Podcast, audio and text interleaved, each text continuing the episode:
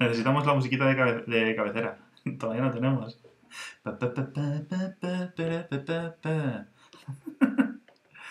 Sí, pero me están viendo nada más que a mí, me están escuchando nada más que a mí hacer el, el chorraminga.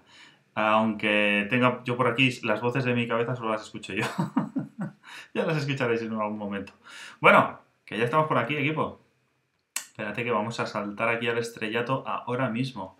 ¿Qué pasa aquí? Buenas noches, eh, Hola a todo el mundo, bienvenidos un martes más al Cambio Climático son los padres, el programa en el que damos la chapa de cambio climático todas las semanas, haya crisis mundiales o no haya crisis mundiales, nos da igual, aquí estamos.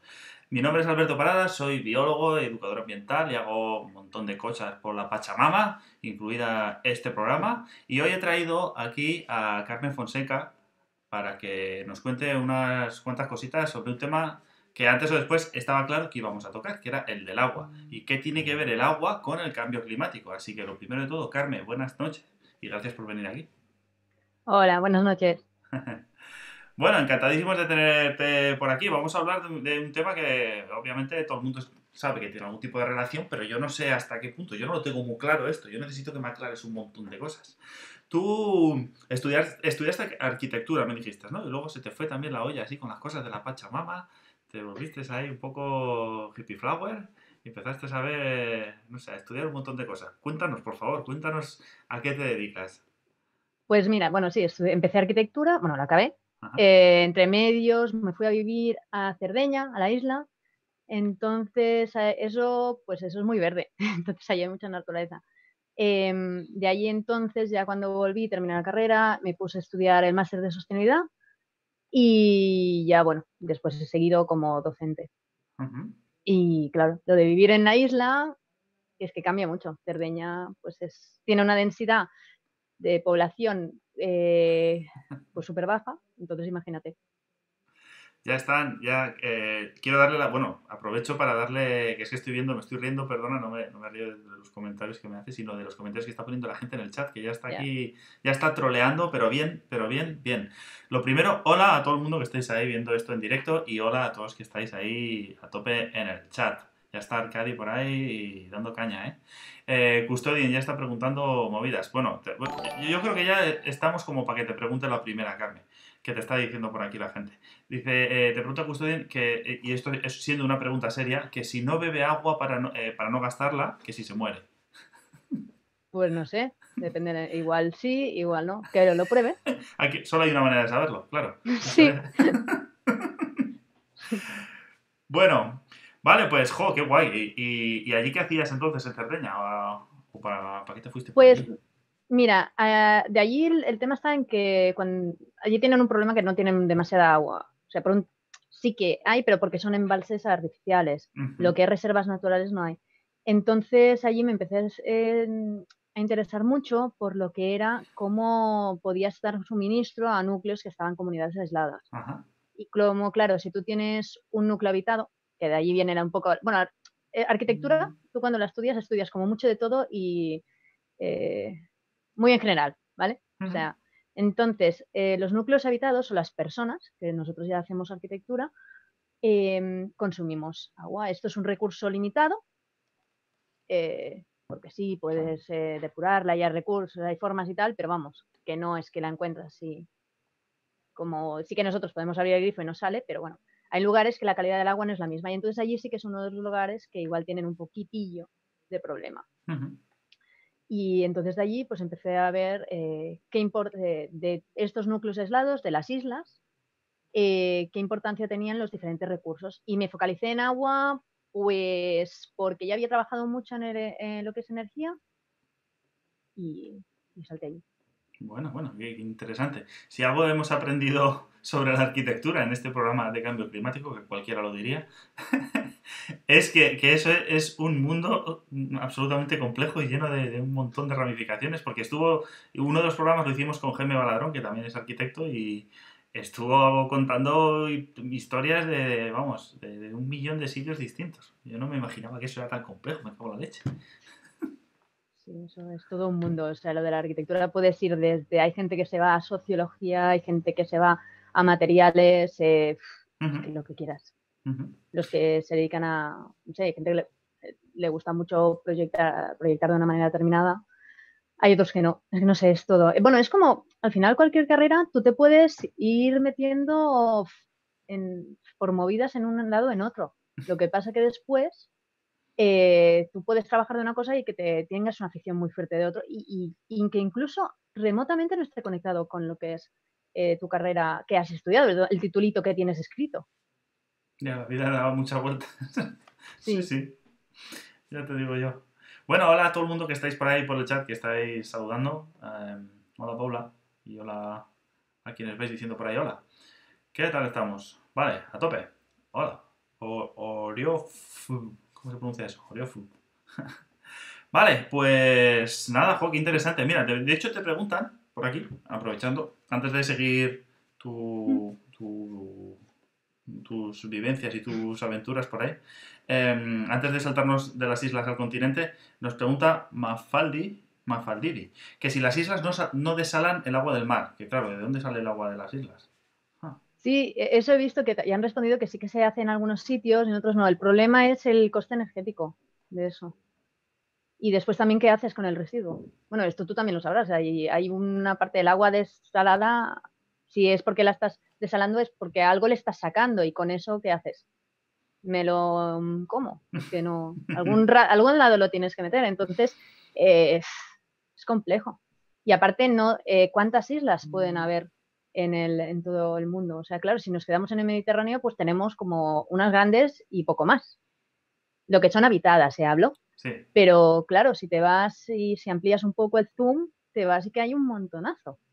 Y mm. todas esas no todas tienen los recursos ni tampoco interesará invertir eh, en esa solución para sacar el agua. Ahí hay también, mira, en, en, la isla sí que me acuerdo de esto que decimos, lo que es el patrimonio inmaterial. Eh, creo que no sé, te lo comenté. Eh, se recogía el agua de las paredes, en una zona del interior de la isla, eh, de las paredes de una cueva, ¿vale? Entonces, como el agua iba cayendo, se iba recogiendo por el lateral. Y eso, por ejemplo, también era una manera. Claro, vivían poca gente, vivían cuatro. Joder, qué, sitio más insospechado para recoger agua. Bueno, y luego te, ¿qué hiciste? ¿Te volviste? ¿A dónde fuiste después de ir? Luego de allí me volví. A ver, sí que he estado en, otros lados viviendo, pero allí es donde he estado más tiempo, que en total fueron unos cinco añitos. Y después ya me metí aquí en el máster de sostenibilidad. El máster de sostenibilidad aprendes absolutamente de todo y de nada.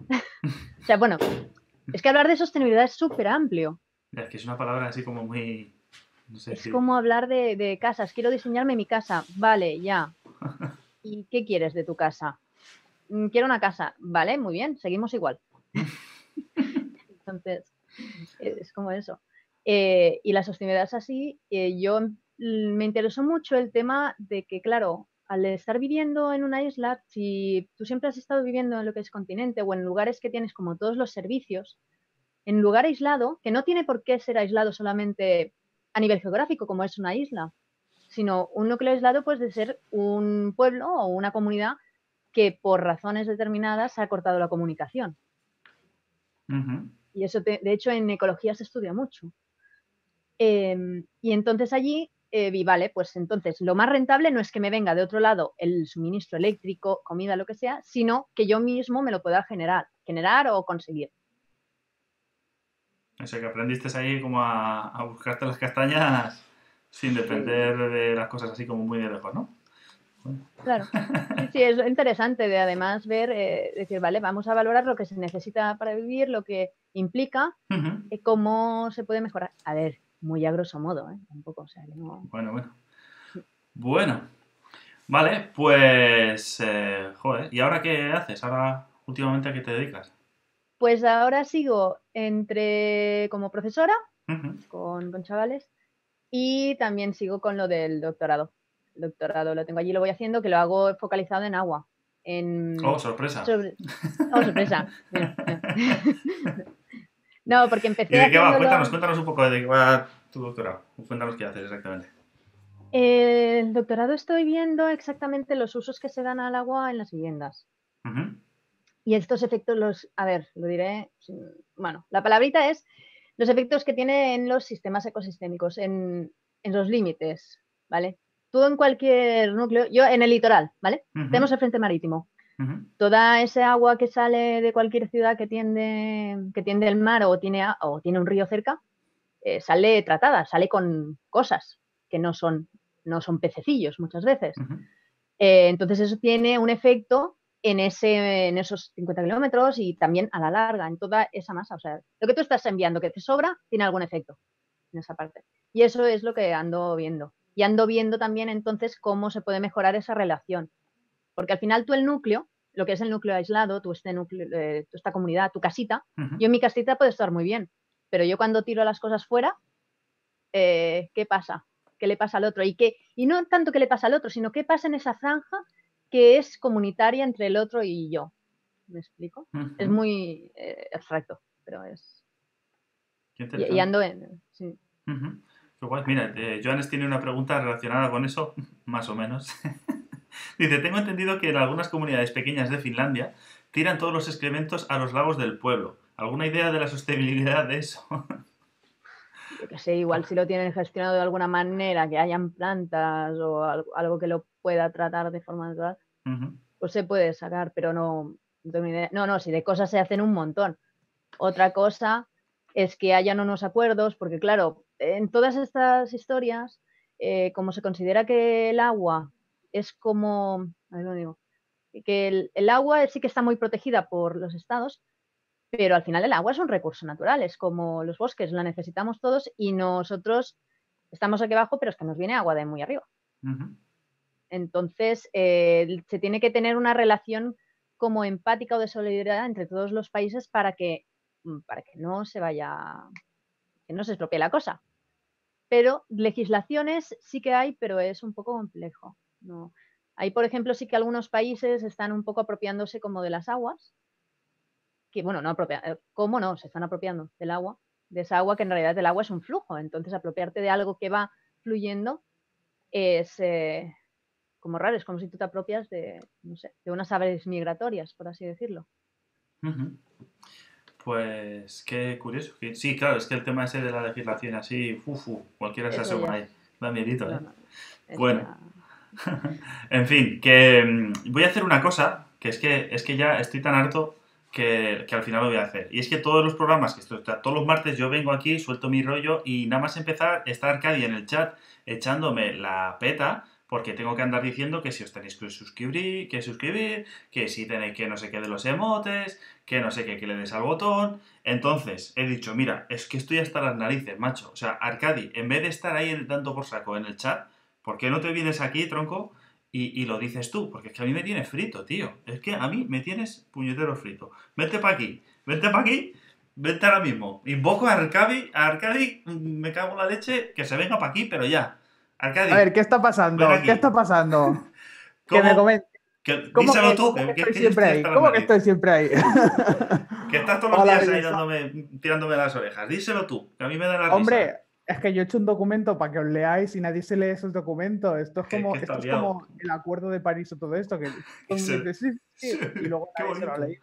Eh, exactamente, exactamente, eso mismo he hecho. Yo he hecho, sí, le he hecho un acuerdo de París al documento de este totalmente, totalmente. No, nada, lo del recordatorio de suscribirse es que gente, bueno, eh, realmente estoy viendo el chat y todo está lleno de estrellitas de eh, insignias que dicen para esta persona se ha suscrito. Eh, que bien por vosotros, pero a la gente que no esté suscrita, suscribíos porque número uno es un apoyo económico que nos brindáis a nosotros. Además, si tenéis Amazon Prime, eh, tenéis Twitch Prime y con Twitch Prime tenéis una suscripción gratis al mes. Parece lioso, pero no lo es. Lo importante aquí es que a ti te sale gratis y a nosotros eh, e-, es, como dinero de verdad que nos llega. Eh, la mitad del cual vamos a donar a la... Sí, exacto. La mitad del, del, cual vamos a donar a la Asociación Española contra el Cáncer cuando, cuando podamos legalmente tener dinero, pero bueno, eso es otro melón. Eh, y nada, y aparte de esa satisfacción de apoyarnos y tal, podéis desbloquear, pues mira, emoticonos que están aquí, José Ramón, Pandora y Beast Soul ahí usando a saco el emoticono de hay un botón. hay un botón. Eh, Eh, espera, es que quiero saber si. Vale, vale, es que estaba... había mucho de hay un botón y digo, no sé si es que se me ha olvidado activar el audio. no, no, no, se te oye, te oye. Ah, vale, maravilloso. Y también acceso al Discord, al, Discord de, de TV, donde estamos haciendo un montón de cosas chulas, un montón de memes, un montón de. Yo al principio estaba como, ay, no sé si la gente se animará, tal, no sé qué, pero la verdad es que está siendo una de las cosas más bonitas que están saliendo de Stenio TV. Qué guay y nada, y si ya eres suscriptor, porque hay mucha gente que dice, yo es que no sé configurármelo. Antes todo el mundo era como, ¿y cómo se configura eso? Tal. Le hemos dicho al señor Twitch que nos imprima ahí unas instrucciones para unirse al Discord si ya eres suscriptor. y nada, eso, iremos haciendo como más cosas para, para suscriptores, pero poquito a poco, porque tampoco es plan de agobiar. Y ya hecho el spam. vale. Nada, pues gracias, gracias por venir. Nos vemos el lunes en el programa de Arcadi, ¿vale? Venga, hasta luego. Venga, hasta luego, Arcadi. Nos quedamos aquí, Carmen y yo. que no, hombre, no, vente para aquí, me cago en la leche, ya que te has venido. Me quedo, me quedo. Te quedas un rato a, de charleta, ¿o qué? ¿Qué pasa aquí? Bueno, Arcadi García lo conoce todo el mundo por sus pedazos de vídeos de gastrofísica en Tipeto of Physics. Salamero. Pero, sobre todo, ahora se ha hecho archi conocido por presentar el programa más, más molón y más... Eh, mm, no sé cómo decirlo. Puede decirlo, más marica. No, no, no. es, como, es, como lo dice, Nevesu lo dice muy bien, que sois... Eh, las, las, mamarrachas. Las mamarrachas, joder, que no me salía. Eso, el programa más mamarracho de, de, todo este TV, eso es. Que no me Los únicos que bailamos cuando, cuando se suscribe a alguien. Yo bailo, pero cuando estáis vosotros, si no, yo solo me cobro. Así que si hoy se suscribe a alguien, habrá bailecito. Sí, lo siento. Eh, ¿Quieren Arcadi persiguiendo este país? Sí, yo también. Yo sí, si, si, se La verdad es que yo, no, yo, ya tengo ansiedad ahora, tú imagina. Tú imagínate si a mí me llega a caer la presidencia del país y me llega la pandemia en este mismo momento, bueno, yo ya estaría ahora mismo en Canadá como mínimo. en Guayuku estaría yo ahora mismo. No, por favor, no. Bueno, pues eh, hoy le he pedido a Arkady que se venga para aquí para echarme una mano porque yo solo ya sabéis que no puedo. Que a mí se me hace muy cuesta arriba estas entrevistas. y más con Carmen, que ya la vais a ver, que es un terremoto. Va a empezar a contar cosas de, todo tipo de, temas. Ya lo vais a ver, vais a flipar. Bueno, pues Arcadi, me echas un cable, tío, a preguntarle claro. movidas aquí a... De hecho, yo tengo una curiosidad, bueno, que es que a veces cuando la gente me dice en plan de he estudiado esto, he estudiado lo otro, eh, siempre tengo como duda de qué se enseña exactamente. Cuando has dicho que has hecho un máster en sostenibilidad, bueno, ya has, ya has dicho que se trata de un área muy amplia, ¿no? Pero tengo como curiosidad por saber qué te explica, o sea, qué clase de cosas explican exactamente en un máster de sostenibilidad. Mira, el mío exactamente es de, era, bueno, se llama, creo que todavía sigue el nombre igual, Ciencia y Tecnología de la Sostenibilidad. Entonces, tocábamos desde temas de cooperación, que la gente que normalmente va a estos másteres de sostenibilidad o rollos así, el rollo cooperación suele gustar y el rollo verde también suele gustar.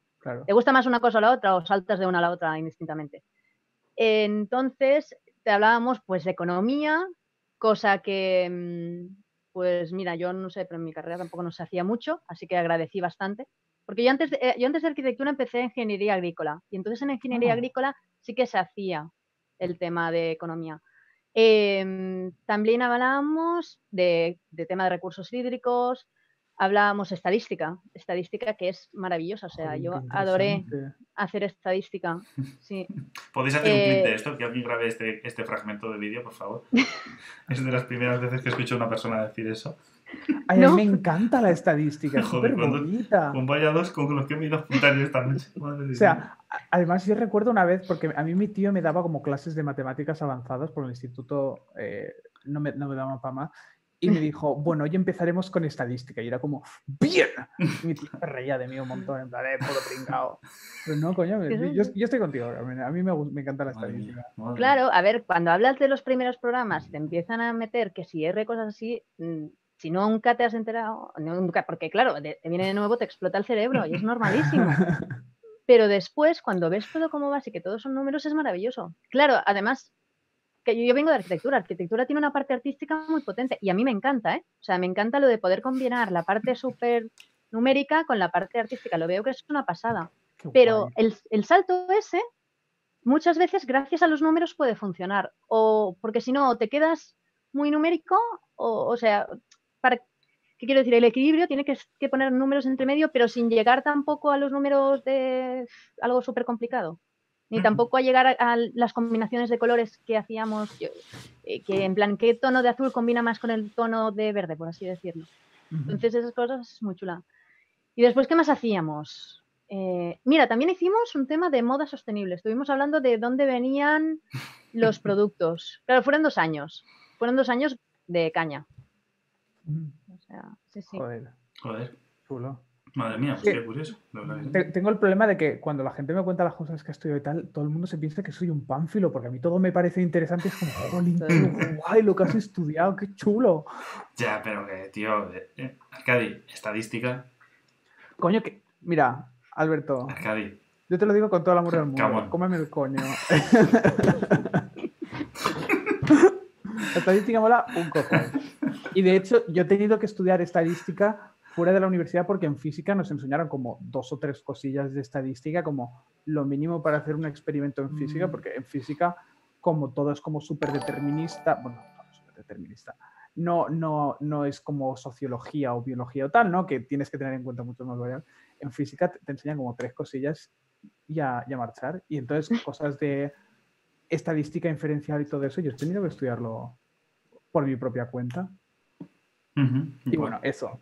Que, eh, no he venido yo aquí a hablar de mí. No, he venido a hablar de Sí, sí, sí, sí, no, no, pero es que, luego, si empezamos la conversación hablando de estadística y de peña que le mola y tal, luego hablar de cambio climático va a ser como mucho más liviano. Entonces, esto me prepara bastante al personal luego de cara a hablar de los temas hardcore que vamos a sacar. Bien, bien. Además, estoy viendo que en el chat hay más gente que también es pro estadística. Yo no sé, no sé, en serio, no sé qué os habéis metido hoy. No, a veces, bueno, en realidad se me olvida que estoy en Estenio TV y que... Claro, eso te iba a decir, digo, literalmente esta gente está un martes a hora de cenar viendo un directo sobre ciencia. Aquí solo puede haber gente que le gusta la estadística, estoy totalmente... El diagrama de Ben de gente que le gusta la estadística está es un círculo concéntrico porque, es muy difícil. Totalmente, totalmente. Gracias a, la gente que nos está siguiendo, que nos acaba de seguir por personas. Fenomenal, muchos thank yous. Bueno, vale, venga, va, mira, hay Peña que está, Ane está terminando de cenar con nosotros. Bueno, bueno. Gracias a quienes os estáis suscribiendo. Muchos thank yous. Bueno, que nada, nos tenemos que meter en vereda, que se nos va la, que se nos va de cháchara, que esto parece el Sayes extravaganza. Que nos ponemos aquí de cháchara y parecemos dos marucas, macho. Ya vale, vamos a centrarnos, ¿o qué? bueno, eh, agua, agua.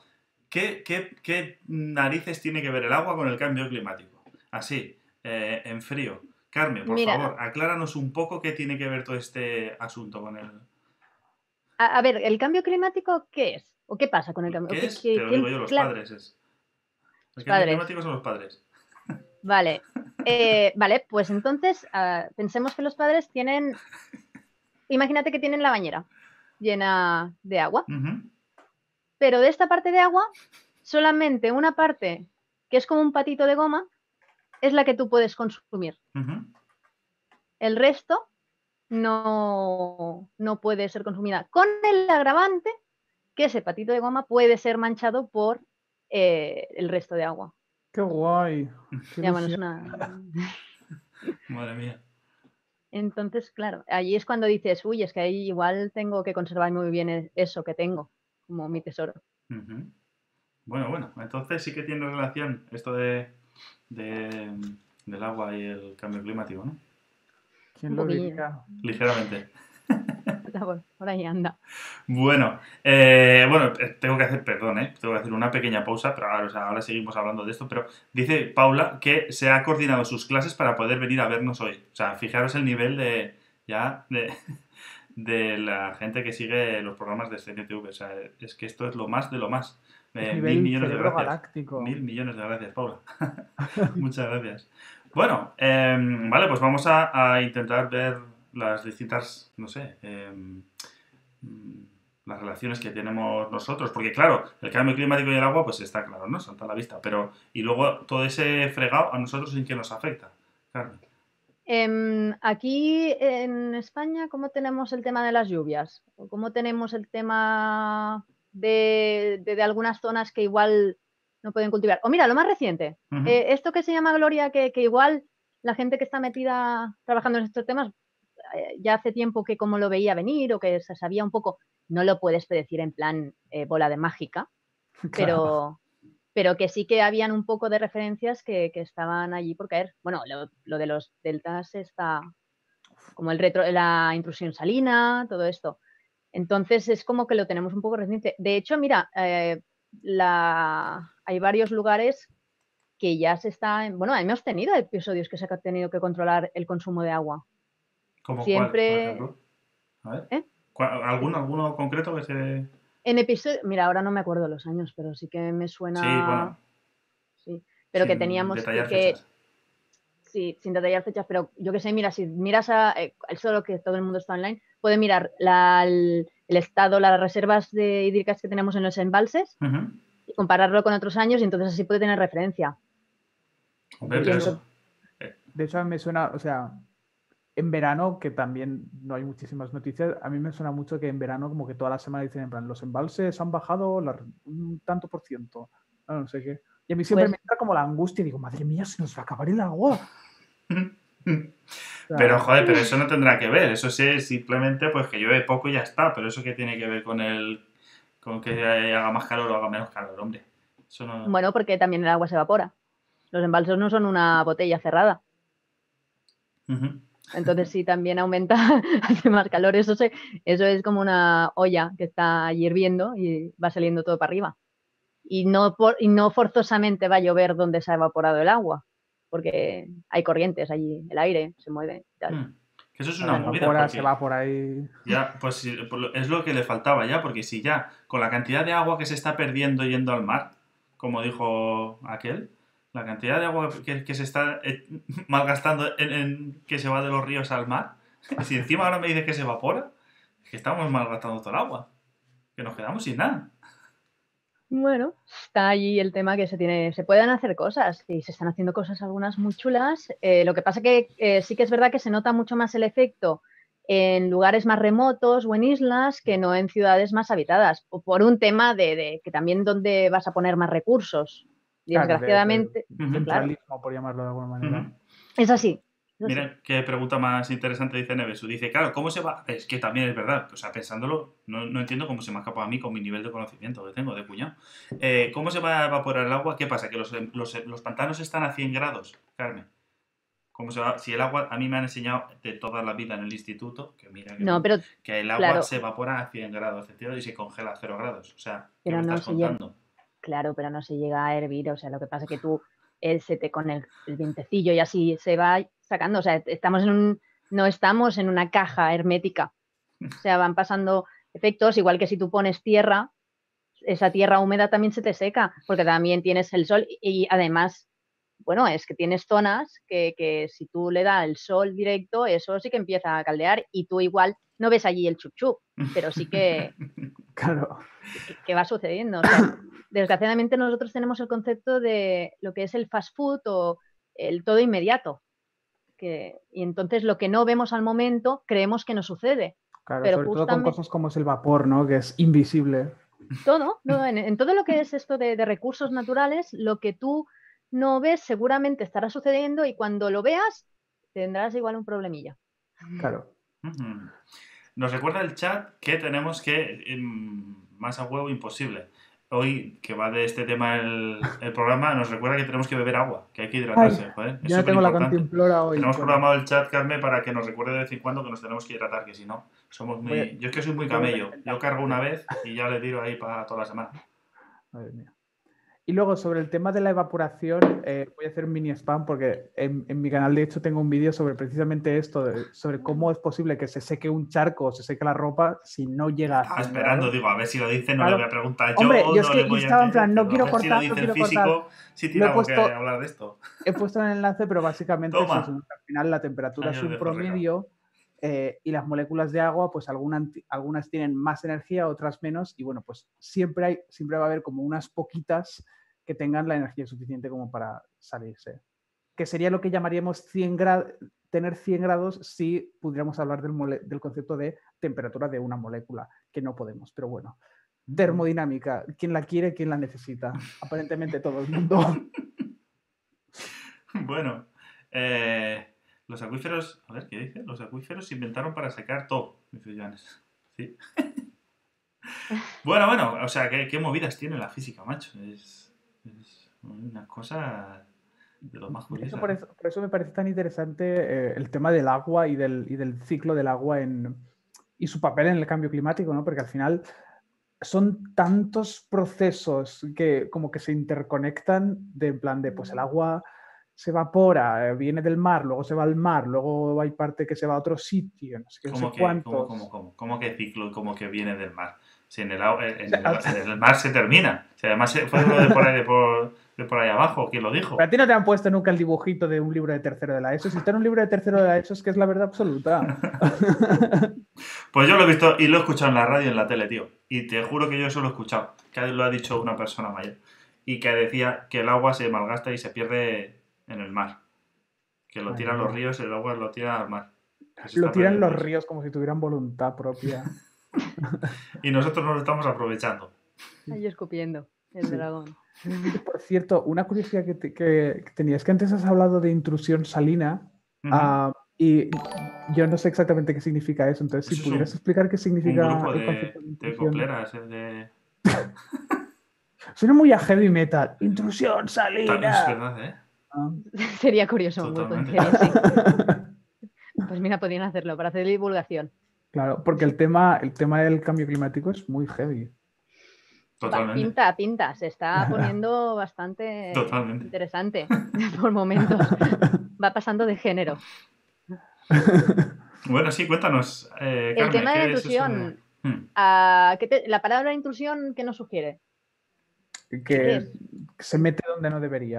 Pues eso. Pues algo que se mete, que, es intrusión salina. Si algo, que no debería estar allí, eh, eh, entra, que sería, la, en este caso, la agua del mar que tú tienes, que tiene unas propiedades determinadas y el agua que nos viene de los ríos tiene otras. Entonces allí es cuando entra y tenemos un problemilla porque hay algunas plantas, algunos fauna y flora que no puede estar bien. Aparte también el problema, ahora tiene un poco de para arquitectura, que claro, eh, nosotros hemos estado usando unos materiales, pero las viviendas, claro, nosotros vemos de la calle para arriba, ¿no? Pero ¿y los parkings dónde los tenemos la mayoría? Claro o los cimientos, porque claro, la casa no se aguanta porque es un, no es un Lego, las viviendas, las casas. Entonces tú tienes para pinchar abajo y todo eso también está causando problemas. Hay muchas ciudades que se está bombeando agua y bueno, eh, ahora, esto es un poco ya saliéndome en intrusión, pero el aumento del nivel del mar, que también eh, viene condicionado por el deshielo de los polos y todo esto, eh, tenemos ciudades que ya se están inundando. De hecho, mira, yo empecé estudiando las islas, pero me desbanqué porque, porque hay un problema que sí eh, va aumentando el nivel del mar y hay unas cuantas islas que, igual no están cuando yo acabe el doctorado. Ah, qué guay. Bueno, a ver, no es, tan así, ¿vale? No es... Ya, bueno, pero ahora sí, sí, eh, es una de las muchas ansiedades cósmicas que le dan. ¿no? le digas estas cosas a Arcadi, que es que es muy sufrido, Carmen, por favor. Que ya... O sea, yo lo pasé muy mal en tercero de la ESO cuando a mí me Bueno, imagino que me explicaron antes lo de cambio climático, pero que yo fue como, ay Dios mío, que se va a inundar todo, que yo tengo una casa en la playa. ¡Ay, Dios mío! Uy, ¿a ti qué, clase de, profesor? Bueno, en verdad yo no tengo una casa en la playa. Profesora eh, totalmente progre te, explicó esas cosas de cambio climático en el instituto. Si eso no se habla. yo no he visto eso en mi vida en un instituto. pero porque tú eres un señor mayor. Nosotros, yo qué sé, de hecho a mí me explicaron el cambio climático y las energías renovables como unas 10 veces en cuatro o cinco asignaturas diferentes, como lo pillo, lo entiendo, vamos a morir, hay que usar energía solar, lo entiendo, por favor, cállate. A ver si va a ser eso una engañufla, yo no sé, yo, yo eso todavía estoy que no me lo... Sigo sin creerme yo toda esa movida. ¿eh? que eso, eso, es para sacar cuarto. Que ya vino uno aquí a decirlo y yo estoy de acuerdo con él. ¿eh? Que esto es, que es una engañufla que se lo han inventado para sacar el dinero a la gente. Pues igual. A saber. Pero también te digo, qué nivel de coordinación, qué nivel de. Hombre, que, esto no es baladí, que, esto hay que, hay que clavárselo a todo el mundo. Es que como tú alguna vez has intentado quedar con, con cuatro amigos para ir a cenar, a mí eso me parece un milagro. ya poner, poner de acuerdo al 97% de la comunidad científica, eso me parece... Nada, esos son engañuflas. Esos son todos que les han, que les han untado. Bueno, eso sucede cuando en todo esto de la movida de la sostenibilidad está, supongo que os suena, el tema de los indicadores. Que los indicadores o los ODS, eh, Naciones Unidas, eh, sí, los objetivos del desarrollo sostenible, todas estas, bueno, eso sí que os suena. ¿Qué sucede? Para ponerse de acuerdo, eh, se pasan tanto tiempo que al final es que, pues está allí. Los ODS hace mucho tiempo que se habla, son como unos, unos objetivos que se, bueno, no, no, son como, son unos objetivos, unas metas que se quiere llegar. Y los qué, digamos, ¿no? Más que el cómo. Sí, exacto, el, objetivo, mm, exacto. Pero no se llega tampoco a planificar cómo. Y también los indicadores. Em, en indicadores, por ejemplo, en temas de agua tienes, no están tampoco claros eh, algunas cosas. ¿Qué, qué, cuánta, qué, volumen de agua yo se necesita o es esencial para una persona? Dependerá también qué parámetros incluyas como esencial. Y claro, no será lo mismo para mí probablemente que para alguien de otro lado, no sé. Pero para mí yo digo en general. Entonces ahí hay las variables. Porque también, ¿qué priorizas más? ¿El consumir más agua o obtener más, em, o sea, consumir más agua para producir esa vegetación, por ejemplo, a nivel de, de explotaciones agrícolas, o priorizas más consumir más agua para que la gente tenga una piscina. No sé, pero así, en la piscina implica ocio, implica también beneficio económico, ¿sabes? Que las dos cosas. Entonces, es, un tema espinoso, sobre todo como dices ahí en, eh, por ejemplo, países en desarrollo donde literalmente es como que si agricultura, que si ya la propia higiene, la cocina también. Eh, son. Eh, yo cada vez que veo eso de los objetivos del desarrollo sostenible o los, o los objetivos aquellos para 2020, que es como, sí, vamos a hacer esto, y digo, pero dime un número. O sea, literalmente error número uno a la hora de poner un objetivo que no hay un número. Sí, o están, muy están muy focalizados en otras zonas que te quedan muy lejos. Claro. Entonces, ah, creo que e-, ese es como error de novato a la hora de poner un objetivo. Como, no, sé quién, no sé quién en la ONU dijo vamos a hacer esto, pero novatillos. Es muy mm. complicado. Los indicadores son muy útiles para que establezcan como unas reglas de juego, pero son súper difíciles de llegar a elaborar, ponerse de acuerdo. Bueno, es lo que nos cuesta, es lo que tú has dicho. Lo de quedar con cuatro personas es difícil, pues imagínate, definir la cantidad de agua que se puede consumir. Sobre todo teniendo en cuenta eso, ¿no? Que, diferentes culturas tendrán un, un diferente consumo de agua. No es lo mismo una cultura que basa su pues aquí en Valencia tenemos las naranjas, que eso es regadío puro, y el arroz, mm. que, que sea, que el algarrobo y el trigo. Es que no sé si el trigo es de secano. El trigo no suena muy de secano. Eh, pero bueno, eh, no soy, no soy plantólogo. Eh, Ni falta que Que mm, entonces, a ver, ahora que estamos, pues ilustrarnos un poco. ¿Dónde, en una casa, ¿dónde, ¿dónde se va el consumo de agua? Carne, por ejemplo, para hacernos un poco la idea. Mira, hacemos una. vamos a hacer como si fuera un juego. Eh, tú entras en casa, vienes de fuera y además ahora que estamos en la paranoia todos. Em, ¿Qué haces cuando llegas? No, o sea. Yo abrí la nevera. Abres la nevera. vale. Sin quitarme el abrigo. O, las botas, en este caso. Vale. No, te lavas las manos, muy mal. No, no. sí, ah. sí. Sí, me, lavo, me quito la mascarilla y me lavo las manos, claro. Ya está ahí. Eh, entonces, vale, bueno, hacemos que. Creemos que te has lavado las manos. Allí ya has consumido agua. Vale. Em, después abres la nevera y ¿qué haces cuando abres la nevera? ¿La contemplas? No sé. Sí, a veces paso verdadero tiempo. ¿eh? me abruma. A veces me da síntoma de Stendhal delante de la propia nevera. Pero sí, a veces me quedo como un poco idiotizado y pasa un rato con la nevera abierta. No, bueno, eh, tomas agua, ¿no? O sea, hacemos, eh, básicamente los usos que tenías es para limpieza y para consumo. Pero, y, después también, si tú eres de los que te ha dado por montarte tu huerto en casita, eh, también estás consumiendo agua para tus plantitas. de nazcan o no. O sea, porque eso depende de muchos factores. Eh, después, si también tienes mascotas, esas mascotas, si las quieres un poco, vas a tener que hidratarlas. Habría que definir qué es mascota. Sí, bueno. o bueno, ser vivo que no. Em, entonces, claro, ya, y después también eh, sueles limpiar algún día, en húmedo también. Sí, claro, claro. Después de quitarme la mascarilla y de lavarme las manos, limpio. Sí. la escena que nos estás pintando de tu atmósfera doméstica es... Es apocalíptica. Poco halagüeño, como mínimo. No, porque mi... Ahora, ahora ya fuera de bromas, mi, época de estudiante ya terminó hace mucho tiempo. así que mi vida cambió radicalmente. Estoy exposeado. Y después, y, y, otros usos, claro, si tú eres de los que tiene o una ducha, iba a decir ducha solo, yo que sé, ducha normal o una manguera o así, y que te da por montar la piscina en casita porque, yo que sé, quieres tener allí una mini olla, eh, pues sí, eso es otro uso. Eso sí, a grosso modo son estos cuatro puntos. Claro.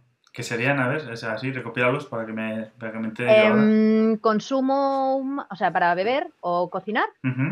O bueno, mira, puedes diferenciar beber o cocer alimentos, porque la agua de, la, de cocer alimentos normalmente no te lavas, o sea, depende qué, ¿eh? pero no, en general no se hace. Después para limpiar y, y después para uso más recreativo. Vale. Claro, y entonces eso dependerá, obviamente, como estabais diciendo antes, que no todo el mundo, un, yo que vivo aquí en España, eh, no gastaré el mismo agua que alguien que vive en, yo qué sé, en la otra punta del mundo, ¿no? O sea, dependerá un poco. Claro, y también si te da el tema de si tú tienes en casa en lugar de ducha tienes bañera, o da igual, puedes tener ducha y decidir que tú ducha no te duchas hasta que yo qué sé, hasta que no has dejado correr agua porque tiene que calentarse o yo qué sé, cualquier chorrada. me pasa. o sea, muy mal. Medio en broma, pero medio no. Es que, o sea, a mí me gusta que esté caliente.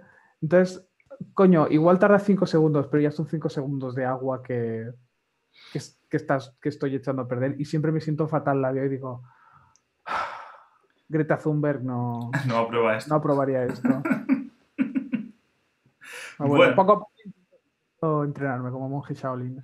Pero, claro, em, pero una cosa, yo, a ver, es que a mí no me, yo, no, esto, a mí no me salen las cuentas. Porque, claro, coño, no decís que hay un ciclo del agua y que el agua eh, vuelve a su ser y, vuelve otra vez al mismo lado. Entonces, ¿qué más dará yo que me deje el grifo abierto si me estoy duchando o no me estoy duchando? Si luego va a volver al río y luego el río va a volver otra vez a su sitio. ¿Qué más da? Pero no vuelve igual. Tiene cositas. Vuelve con traumas. Pues se le, se le quitan los traumas y las cositas al agua. ¿Cuál es el problema?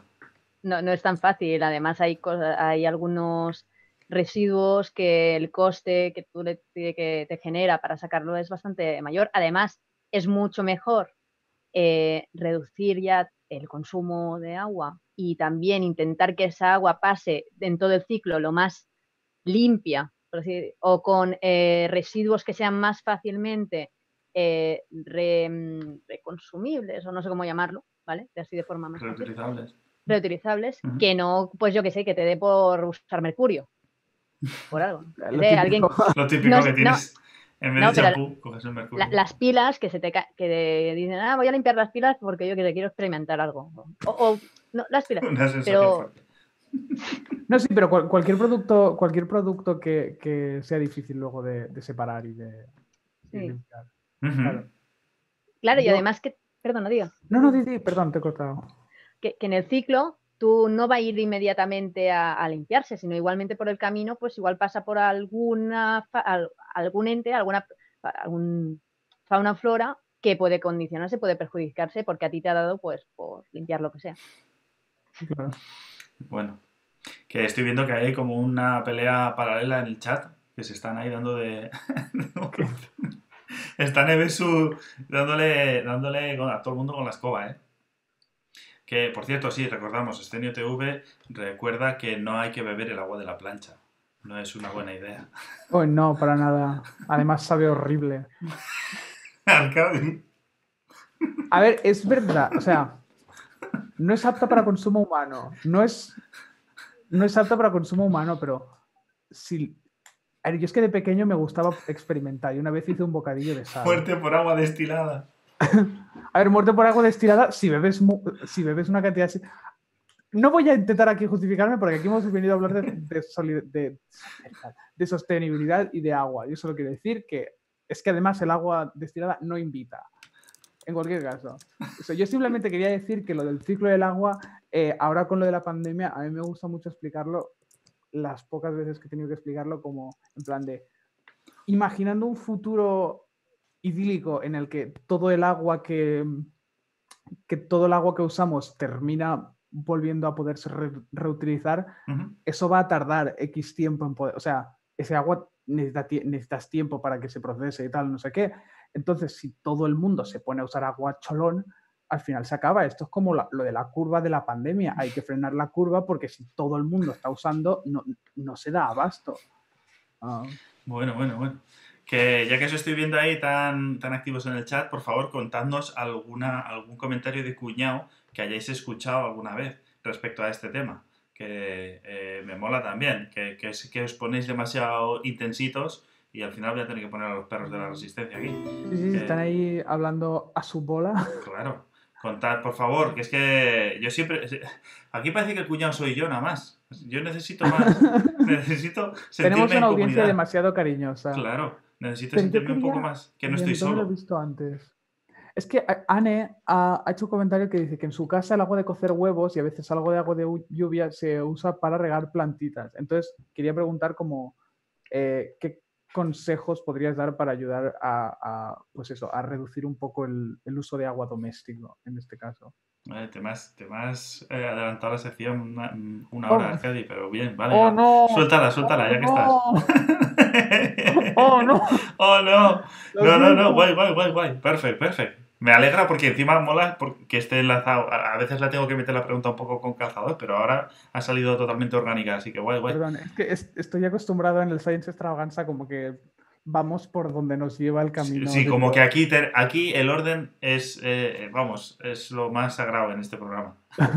Aquí lo llevo todo, vamos, o sea, mm, más, vamos, que eh, tengo a Roberto, lo tengo aquí al lado con un Excel vamos, mm, que me río yo de los maestros de la programación. Con el Excel que tengo yo de preparación de este programa. bueno, venga, va, pues Carmen, eh, cuéntanos, danos algún consejo, por fin.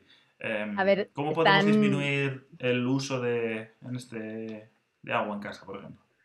Yo pues están... he de decir, perdona, antes de que te corte, antes de que lo digas, yo lo digo. Yo, eh, todo sea por la Pachamama, pero yo reduzco mucho el agua, procuro ducharme muy poco y procuro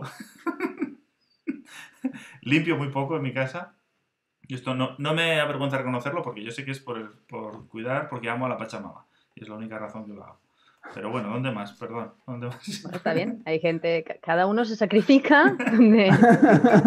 Yo me sacrifico. Y, y, la gente que vive conmigo también se sacrifica. en contra de su voluntad, pero se sacrifica. Bueno, ¿dónde más? Pues, ¿Dónde más? A ver, está lo típico que nos han dicho, de que si te vas a duchar tengas un cubo y vayas rellenando y después esa agua la reutilizas. Em, es una ah. manera. Sí, entonces esos cinco segundos. Lo que pasa es que tienes que hacerlo. O sea, no se vale tener el cubo y cuando ya has abierto y lleva un rato acordarte de que tienes el cubo. No, claro, obviamente. Pero porque eso puede pasar, en plan, vas con una empanamenta y tal. Eh, después, yo qué sé, intentar eh, cocinar más eh, al vapor. Entonces también se usa menos. Eh, después, ahora que estamos todos aquí en casa, o sea, en general, que hemos estado más tiempo en casa y nos, todos nos gusta tener las plantitas y qué mono el verde y así, eh, parece que sea muy hippie guay.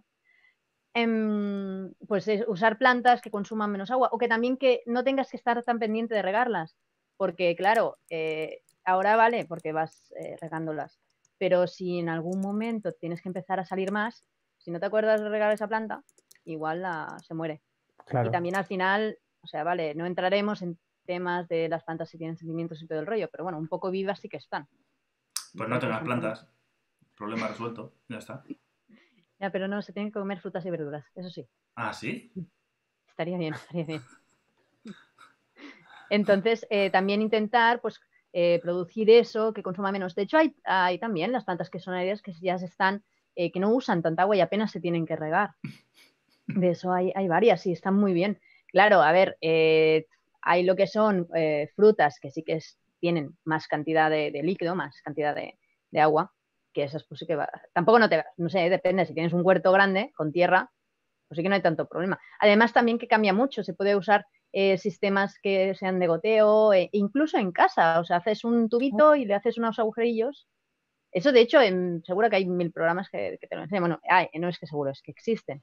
Lo que pasa es que, claro, tienes que mirarlo y no es tan fácil como decir, mira, qué mono, tengo la regadora y voy aquí a inundar la plantita ahora que estoy en casa. Pero cuando te pases dos días, que justo ese día le dé un sol a la planta que flipa, pues claro. tienes una, una, yo qué sé, la flor al horno. O sea, a la planta. No sé, eso es como más así diferente. Las cosas que son más básicas, eh, también intentar usar todo lo que son productos. No, se necesitan tantas, a ver cómo le digo, tantas cosas complejas para lavarte. de hecho, para. Lo digo yo. Pues Pero te tienes que lavar. Alberto, te tienes que lavar. Hacer un clip de eso.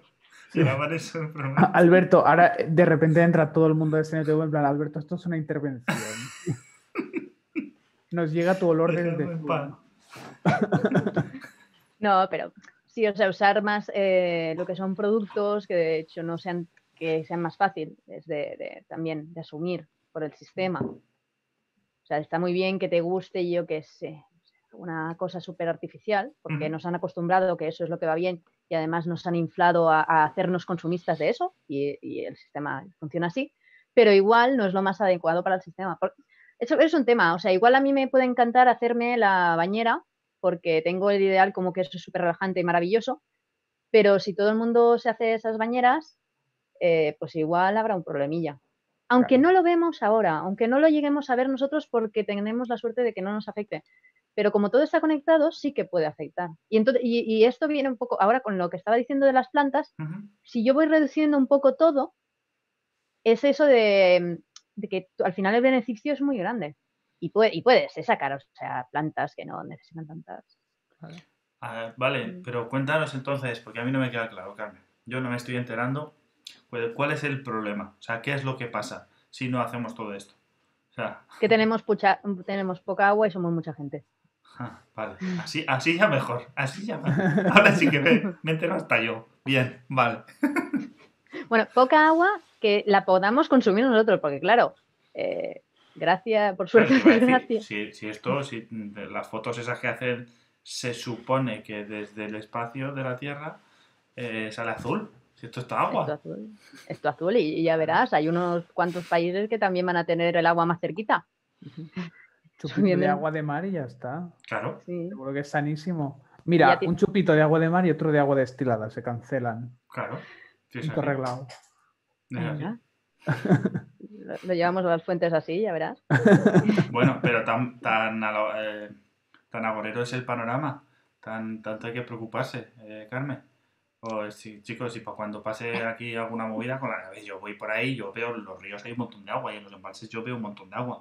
¿Para tanto eso o qué? Pero, eh, claro, en agua puede, puedes beber, lógicamente, pero esa agua te la tomas así de... A ver, claro, hay ríos que sí, pero no sé, tú te irías a, a una desembocadura y te amorrarías ahí a tomar el agua de alguna ciudad del litoral. Eso tiene todas las vitaminas y todas las Claro, es que eso iba a decir que Alberto aquí habla como muy de en plan de un río, un río. Yo vivo en el Mediterráneo. A mí un río tiene como claro. un, dedo de gordo. Ah. Eso que dice la gente de voy a bañarme al río, ¿qué vas? A mojarte las chanclas. O sea. claro. Bueno, pues puedes poner el vasito, igual también te llevas pues arenilla y otras cosas. Claro. Te sale ahí todo el caldillo, todo lo bueno, ¿eh? Ahí en el mar menor está para hacer sopa, ¿eh? Está muy rico el tema. Claro. Dios mío. Bueno, eh, que están, están discutiendo en el, en el, chat, entre otras cosas, por si, o sea, por cómo pues, se podría utilizar el agua de mar, pero dicen que es más costosa que, que la tarifa que habría que pagar para conseguir usarla, que debe ser divertido. Es el tema, ya se empezaron a activar algunas desalinizadoras, lo que pasa que el coste energético es grande y además es el residuo, ¿qué haces con eso, con esa sal? O sea, la usas para cocinar, es que tampoco, de hecho tampoco consumir mucha sal no es bueno, que eso ya se sabe. Claro. Como hijo de hipertenso... El, lobby de los... Claro, imagino que el mar tampoco la puedes volver a echar porque será un movidón. Si viene de ahí. A ver, que, no puedas no quiere decir que, la, o sea, una cosa es que no sea correcto y que no se debería hacer, pero... Otra cosa es lo que hace, claro. Mira, Carmen, te hace una pregunta Paula en el chat eh, que me parece súper interesante.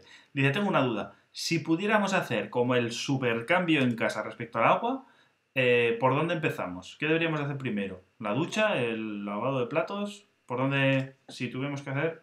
Yo iría primero a la ducha. Mira, y un tema también de, lo que es la cisterna del váter. No se necesita tanta agua para hacer la descarga. Eh, si no, hay la opción de, de, hecho esto ya lo, también sale en un programa, si tú no quieres hacer lo que es la, el váter seco, lo que puedes hacer es ponerle una botellita. o un... de ese programa. Ya, bueno. Pero eso entiendo que no, porque ya es. Pero sí que puedes abrir lo que es la caja de la cisterna y entonces le pones una botellita y entonces ya no tendrás, no, no, no bajará tanta agua. Y cuando haya un momento así complicado, siempre tendrás ahí la despensa para, para un ¿La botella llena o vacía? ¿Cómo? No, llena tiene. A ver, es que si no se te va a quedar arriba. vale, vale, vale. Si no quieres ponerle agua, pone piedrecitas. Eh, que te ocupe el volumen. Ah, vale, metes la botella como ocupando espacio dentro claro. de la cisterna, ¿no? Claro, que no te ocupe todo el espacio. Claro, porque el agua, El agua de la cisterna, cuando, hasta que, no sea como una garrafa 5 litros. Va subiendo y cuando llega como un chivato, un testigo, entonces se para, deja de entrar. entonces, una vez llega el agua hasta arriba, si simplemente hay otras cosas que no son agua que hace que llegue ese volumen, se corta el. Vale. Pues, igual, pues igual yo lo hago porque vigila a ver qué metes y todo, pero sí. Claro. Claro, pero es eso, aunque, aunque si pones, por ejemplo, yo que sé, una botella de medio litro, pues coño, ya es medio litro que ahorras cada vez que vas al baño. Sí, sí, y además también que, que, eso suma, que tú igual entonces esa agua la puedes usar para otro, que tú al final, ya digo, o sea, el agua todavía no tenemos muchas restricciones. En algunas zonas sí que ya se hacen restricciones, y a veces también, aunque no se lleguen a hacer restricciones, eh, ¿no os ha parecido alguna vez que el agua sale como más diferente de lo que estáis acostumbrados? Hmm. Igual vosotros en vuestras zonas no, pero sí que hay zonas que sucede que el agua cuando abre... vez ha pasado. Vale. Pues eso a veces también porque las reservas están muy bajas y entonces empieza a salir el agua del fondo del todo, que allí está ya tiene más sustancia. Está todo el caldillo bueno ahí, ¿eh? Qué rico. Sí. el tema de la. Ahora estoy leyendo lo de las vajillas. Em, claro, si tú pones el lavavajillas lleno, entonces sí que estás, compensa mucho más el gasto energético, o sea, ahorras energía. Depende, claro, depende todo de las vajillas y todo de la historia. O sea, hay varias variables, pero en general sí que es mucho mejor poner una vajilla llenísimo. Claro, a ver, también un tema de, de higiene, si te tienes que esperar un mes para llenarlo. Claro. No sé, que igual te aparece un bicho allí. Claro, esto es. Eh, eh, esto es en plan de gasto por plato, ¿no? En el sentido de que si tú friegas, te cuesta siempre lo mismo por plato, eh, o sea, la misma cantidad de agua por plato que tienes que limpiar, mientras que como poner lavavajillas una vez es un gasto fijo de agua, que cuanto más plato, cuanto tú, más metas, pues te sale más rentable. Bueno, yo aquí parece que estoy como repitiendo lo que dice Carmen todo el rato, me siento como Super Mario, no estoy aportando nada. Sí, sí, pero hombre, así, así yo, es como que me lo procesas, o sea, e, es, eh, como que me lo masticas y luego yo me lo puedo comer de hecho, los pollitos de, los pájaros. En esto de agua también lo que se está viendo es saber si hay otros planetas donde hay agua. Y claro eh, pero bueno, eso sí que todavía. Pues sí que sería como nos quejamos del gasto de por desalinizadora, imagínate el gasto por ir a Marte a, sacar agua. A ver, igual alguno de Bilbao y eso, pues dice, vaya puestos. Yo me atrevo, pero bueno, nos dice Edge a hidratarse, por favor, que nos dice el chat que hay que hidratarse. Yo me voy a hidratar mentalmente, se me olvidó por completo. Joder, que macho. en el programa del agua y se te olvida el idem. Bueno, he venido duchado. Bueno, yo he traído agua. Pues ya está, ¿ves? Paralelos poéticos. Claro, ya está. Bueno, em, ¿qué dice Mark? Miguel Ángel dice, en mi pueblo los años secos baja mucho el acuífero y no se puede usar para consumo humano porque no pasa el control de turbidez por sedimentos. O sea que eso tiene demasiado condumio ahí. Mm. De hecho, a mí me suena, es posible que fuera... Creo que el, año pasado en México eh, hubo una sequía bastante tocha, o hace un par de años, no sé. A mí solo me suena que, bueno, yo sigo a, tengo algún par de amigos mexicanos y sigo a gente de México y, estaban hablando pues de eso, de que eh, no podían, hubo como varios días que no podían usar el grifo, ni, ni, la, ni la ducha, ni nada de nada, porque no, porque no. Claro. Bueno, y aquí el, eh, fue el año pasado o el otro que sí ya se empezó a plantear de, que se hacían restricciones, que ahora no me acuerdo. Creo que fue hace dos. Es posible. Yo tengo un recuerdo borroso de que ya por 2006, 2007, hace como ya como casi 15 años, yo, yo, era bastante joven aún. A mí me suena que hubo una sequía gorda, sobre todo aquí por la zona del litoral valenciano, y igual una semana, no de cortar el suministro, pero sí de decir en plan de, ojito, ojito, y recordar a la gente en plan, no, no uséis tanta agua, porfa, por fin. Aguantarse, por fin, besis. No uses agua, besis. creo que, creo que fue por 2008, una cosa así, una sequía bastante... No, no, pero fuera de bromas, yo vivo, o sea, hay una localidad aquí cerca mío que, que no es un sitio ni remoto, ni aislado, ni nada, ni pequeño. Es una localidad de varios miles de habitantes. Y si no todos los años, cada dos años así como muchísimo, algunos días del año no tienen, tienen corte de suministro. Porque no, no da para más la, la, red que tienen. Porque está en un sitio que, el, que tienen un nivel freático que es así un poco regulero y se quedan tirados. Tirados, tirados, vamos. Claro, en todo esto lo que, como mientras afecte lugares más remotos o pequeños, pues no tiene como mucho impacto. O sea, tiene, o sea, al final si tú, da igual, si te toca a ti, eh, es un rollo. Pero hasta que no afecta a lugares más notorios, no, se hace como más. Además, las personas funcionamos así. Hasta que no tienes, como se dice, el agua al cuello, no. Sí, hasta que no, sí, ya. Y aún así, mira, asómate a la ventana a ver qué tal. ¿Cuánta gente hay ahora mismo paseando por ahí al lado? la, la, la, la. Sí, esto es, esto es un poco. El otro día, de hecho, me quejaba de esto en Twitter, porque en fin, ¿qué voy a hacer en Twitter si no? Eso te iba a decir. Que hay veces que si un problema no llega a Madrid es como si el problema no existiera. o, problemas que solo ocurren en Madrid y no, pasan en Madrid, pero nos enteramos todos. Y y a ver, yo entiendo que son inevitabilidades de cómo funciona, de cómo funciona esto. Evidentemente, pues en Madrid hay más gente y es donde están todos los medios de comunicación, pues evidentemente serán eco de eso. Mientras que es lo que dice Carmen, si en un pueblo en Requena están en la más absoluta mierda, pues ¿qué son? ¿800 personas? Pues no son 3 millones o 6 millones o los millones que sean. Um, em, Preguntan en el chat, por ejemplo, Carmen, ¿Cuándo se prevé que haya problemas en España generalizados por falta de suministro de agua? ¿Esto eh. ¿Ha pensado en esto? ¿Qué, ¿Generalizados? ¿Cuánta gente es? O, sea... que sea como algo, algo para asustarse. Algo que deje de ser algo en lo que pensar y algo que se vea como para decir, oh, oh, oh, que pasa algo. Es que ya hemos tenido restricciones, es lo que acabábamos justo de hablar. Ya, ya hemos tenido. Esos son sustitos. Esos son como. que nos dure, o sea, que ya digan. Que sea un susto que digas, ¡uh, tris! Se ha acabado el chollo, ¿no? Se ha jodido la barraca. Pues bueno, es que ya estamos como en ello, ya en muy breves. Lo que pasa que otra cosa es que se quiera seguir apretando la máquina.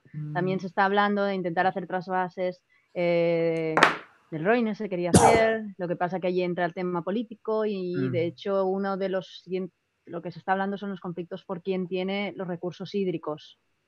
Los recursos hídricos de, no de mar, ¿sabes? O sea, no de agua salada, sino del agua dulce que es la que nosotros bebemos y tomemos. Porque, mm, mira, puedes incluso llegar a limpiar con agua que está más o menos, pero tú consumir, desgraciadamente, como ser, como ser vivo, tienes que estar, para tú poder seguir haciendo los diferentes, eh, bueno, tú seguir bien igual, tienes que tener, tiene que tener unas propiedades esta agua. Y entonces los problemas ya los tenemos aquí. ¿eh? Otra cosa es que no sean, de hecho ya se están derivando algunas enfermedades y algunos, algunas cosas que están pasando actualmente ya son lo que pasa que, claro, de, eh, que salga directamente, que sea del agua, no, porque se sigue considerando que el agua es como la tenemos allí. Mira qué bonito el río. Mira, no sé qué. Qué guay, qué maravilla.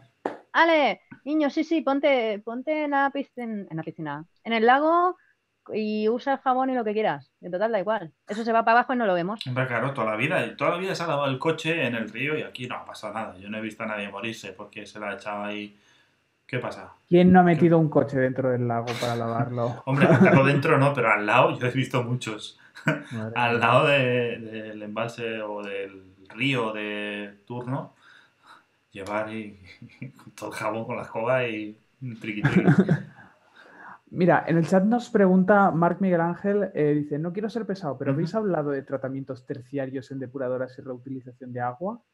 Mm, qué tema más, más, fascinante. ¿eh? Yo te lo iba a decir, pero he dicho, a ver si lo dice alguien en el chat. ¿Qué son tratamientos terciarios? ¿A qué te refieres, Marc? Sí. Cuéntanos, ¿a qué te refieres con eso exactamente? Ah, vale, pensaba que era como una nomenclatura extendida, digo yo, como no me entero de las cosas.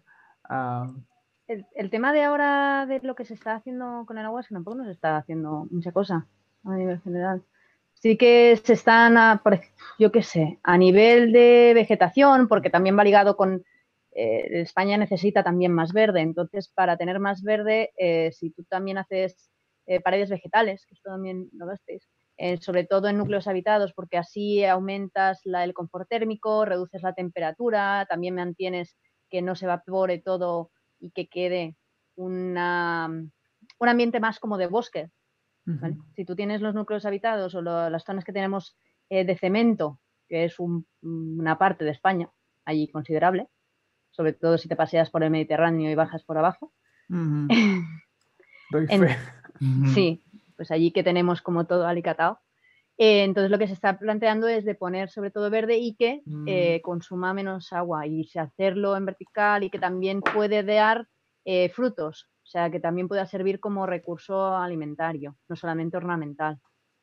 Esto sí que se está planteando. O también usar pues lo que son los prados, o sea, el césped y cosas así, de usar plantas que sean más adaptadas y que no usen tanta agua, porque claro, por ejemplo, el césped es mono, te puede, bueno, es que yo no voy a entrar en si me gusta o no, pero el tema de los campos de golf o todas estas cosas que son súper mónicas o que nos han vendido que es bonito, eh, eso consume un montón. Y no justamente agua salada, ¿eh? Entonces, claro, cambiar un poco este planteamiento funciona para que también se reduzca eh, este consumo de agua. Y, la gente, además, si ya lo ve como normal, está, está muy bien, funciona bien.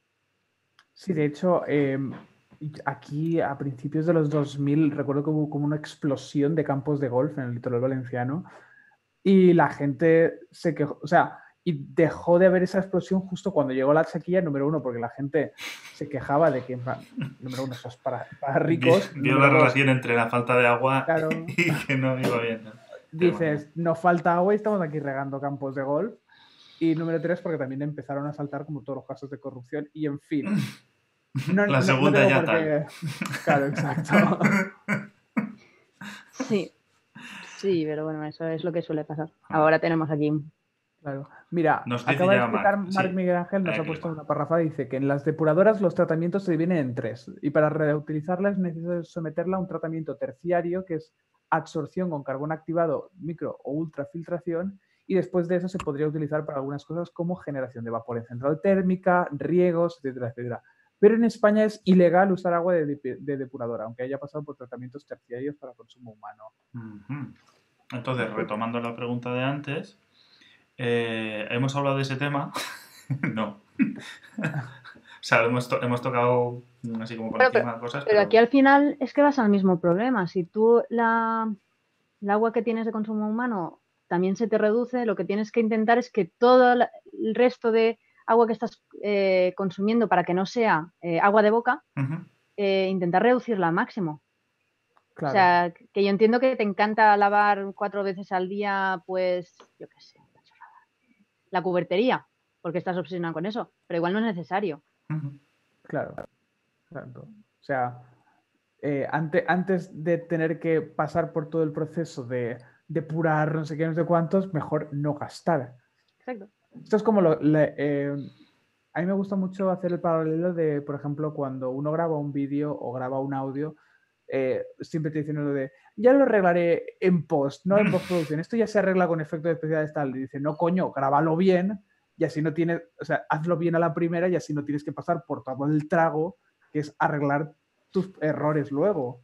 Eh, entonces... Mira, dice Anne, por ejemplo, dice, a mí siempre me ha tocado mucho el alma que para, el para enfriamientos en la industria se utilice agua potable. ¿En serio? Sí, eso es. Bueno, de cosas... el caso es que me, sorprende mucho porque además en enfriamientos en, en industria sería igual aquí me estoy yo marcando un triple, pero con mi conocimiento de termodinámica, incluso el, el, agua salada sería incluso más eficiente porque tiene una mayor capacidad específica. Pero eh, entonces está el tema de la corrosión. Eso es cierto, eso es totalmente cierto. ¿Ves? Por eso he dicho que igual me estaba marcando un triple. Digo, me extraña que tal. Sí, sí. ¿Y qué más dicen? Dicen, Marmir Ángel dice eh, que cree que la legislación es muy rígida en cuanto a la reutilización y suele haber bastantes problemas si se quiere utilizar agua de depuradoras para riego, por ejemplo, y es más fácil hacer una captación. Hmm. Sí, ya estoy yendo así. Eh, donde más se consume agua es en agricultura. Vale, sí, que esto está relacionado con la pregunta que hace Julio. Sí, sí. Eh, es donde. Y es una brutalidad. Y además muchas veces se consume, pero pues que se va. Entonces no. Allí es donde se tiene que optimizar. En agricultura, sobre todo. También por eso mucho el tema de tener tú en tu vivienda lo de los huertos urbanos. Eso aparte de que pueda ser monísimo, super hipster, molón, eh, tiene una utilidad y es que tú mismo eres consciente de lo que cuesta producir eso que estás consumiendo. Entonces te haces responsable un poco de, tu forma de habitar. Hmm. Ahora esto es un poco como clase de filosofía de, arquitectura, pero tú en tu espacio o tú en tu como ente que estás ocupando un lugar, tú necesitas una serie de ítems. Entonces tu alimentación, tú hay una parte que sí que puedes llegar a controlar y cuanto más partícipe te haces de eso, eh, más podrás llegar a reducir y también a empatizar con, el ambiente. Claro, o sea, ya no es tanto saber que, lo, que lo que consumes cuesta, sino sentir que lo que hace, que lo que consumes cuesta. Mira, ves, ves, mira, por fin hay alguien que ya empieza como a pensar como yo. gracias, Joanes. Dice, si pero si riegas la planta, eh, otra vez ah, el agua se va al río. O sea, que es que no tenéis ni idea no, porque las plantas no absorben agua en absoluto. No, por eso caen, por la fachada. Pero una. Eh, ahora que precisamente has hablado de como de concienciar con los huertos urbanos y el papel de la agricultura, ¿de qué maneras puede la agricultura ayudar? Digo, la agricultura, la arquitectura. ¡Oh! Empieza por A. Em, ¿De qué maneras puede, eh, puede como la agricultura la arquitectura. Lo que sea, eh, Alguien. Como contribuir a, un poco a esa sostenibilidad desde el punto de vista del consumo de agua. Esto, pues un montón, mira, de hecho en el otro programa también vi que lo, eh, que lo estuvisteis hablando, pero desde controlar el tema de las aguas, em, las aguas grises, las aguas que son, que llevarían como residuos, tanto orgánicos eh, como inorgánicos, a también el tema de recoger el agua de las cubiertas, eh, que se, eh, se, pierde mucho, ah. o también el de las calles. De hecho, eso sí que me ha hecho mucha gracia, bueno, gracia o temor. Eh, cuando ves en alguna ciudad que justamente la recolecta de aguas no está en el punto más bajo, sino en el punto más alto del paseo. Entonces, cada vez que... Y eso, eso se ve en ciudades. entonces, ves que cada vez que llueve un montón, se inunda el paseo, y claro, porque si el punto de recolecta está ahí arriba, que, se inundaría igualmente, pero se llegaría a paliar un poco.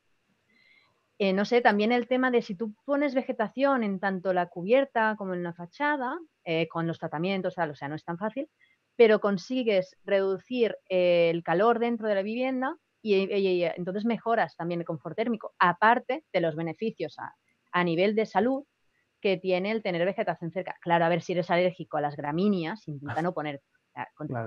Y ya también no se suele poner, o sea, se hace un poco con vista hay, excepciones, pero sí que se ha demostrado que los beneficios eh, secundarios o, que se vienen derivados de usar este tipo de métodos son muy altos. ¿Qué sucede? Que no tenemos cultura de todo esto. Claro, que tenemos la cabra tira para el monte. y es muy difícil. Ah. En plan, mira este prado maravilloso al que podríamos ir, pero no, quiero ir al monte. no, es... no la marcha, es que es, así. Totalmente. Pero me, resulta muy curioso eso que dices de, vegetación en, en, casa y tal. O sea que, porque ahora yo entiendo que si tú pones vegetación en casa, eso requiere un consumo de agua. Entonces, o sea, ¿sale rentable entonces ese, digamos, esa inversión de agua? Sí, a ver, pero no estoy hablando de que tengas sandías, sandías colgando de la pared. ¿eh? O, sea, no, no, no, porque claro, esto también depende cómo lo dices. O sea, no. Y, de hecho en vertical es complicado tener algunas cosas. No, eh, pero eso Yo estoy imaginando como enredaderas, que imagino que son mucho más difíciles de mantener. ¿Eh? No, bueno, pero si, si tú piensa que una cosa también, si eso tú pones algo que controlas mucho el agua y la vas dosificando, y además, claro, no riegues cuando, a las 12 del mediodía con toda la solana, porque igual se te evapora. Claro. Hashtag termodinámica. Eh, pero eso entonces sí que te. Eh, es que el beneficio es muy alto. A ver, cuando habéis ido, si, eh, si vas a una cueva o vas a un bosque, la sensación que tienes dentro del bosque, si eres alérgico o no, pero en general, a nivel de confort térmico? ¿Estás más fresquito o tienes más calor dentro del bosque? Claro, se está más fresquito. Claro, está, bueno, está mejor, ¿no? Vale, pues es lo mismo. Si tú tienes eh, lo que es la vivienda con vegetación, que tampoco no te digo que la cubras al 100%, pero bueno, si ahora te mueves por la... E, es una cosa progresiva, tampoco no hace falta que nos volvamos como la Amazonas. claro. Y niños, no intenten hacer esto en sus casas. yo eso me lo tomé, yo creo que también eh, Mm, no entendí muy bien, porque cuando leí que había que tener muchas plantas, yo que tengo muchas plantas, pero creo que no. es que me ha crecido vegetación. Una vez que me dejé un plato ahí, si me. No, esas son nuevas formas de vida. con restos de comida, se tira a la basura y cosas de esas. Me salieron muchas plantas ahí. bueno, bueno. mira, dice Calo. Coño. Calo Zalejo. Es que. es que cada uno, macho, no os podéis poner. La Antonio es muy mala. No os podéis poner de. Pues tenéis que poner ahí códigos alfanuméricos de nombres. Que, luego cuesta mucho leerlo, joder. Dice varias cosas. Bueno, la primera dice que si las actividades agrícolas consumieran menos, el agua para el uso poblacional aumentaría y así aumentaríamos la cobertura para los que no tienen. También aquí simplemente voy a añadir la puntualización de que si hubiera menos actividades agrícolas, habría menos comida en general, por definición de actividades agrícolas. Pero imagino que se refiere a buscar formas que las actividades agrícolas consuman menos agua. Pero bueno, imagino que también es difícil porque al final, yo qué sé, un melón chupa el agua que chupa, tampoco... Sí, pero sí que hay muchas prácticas que derrochan muchísimo.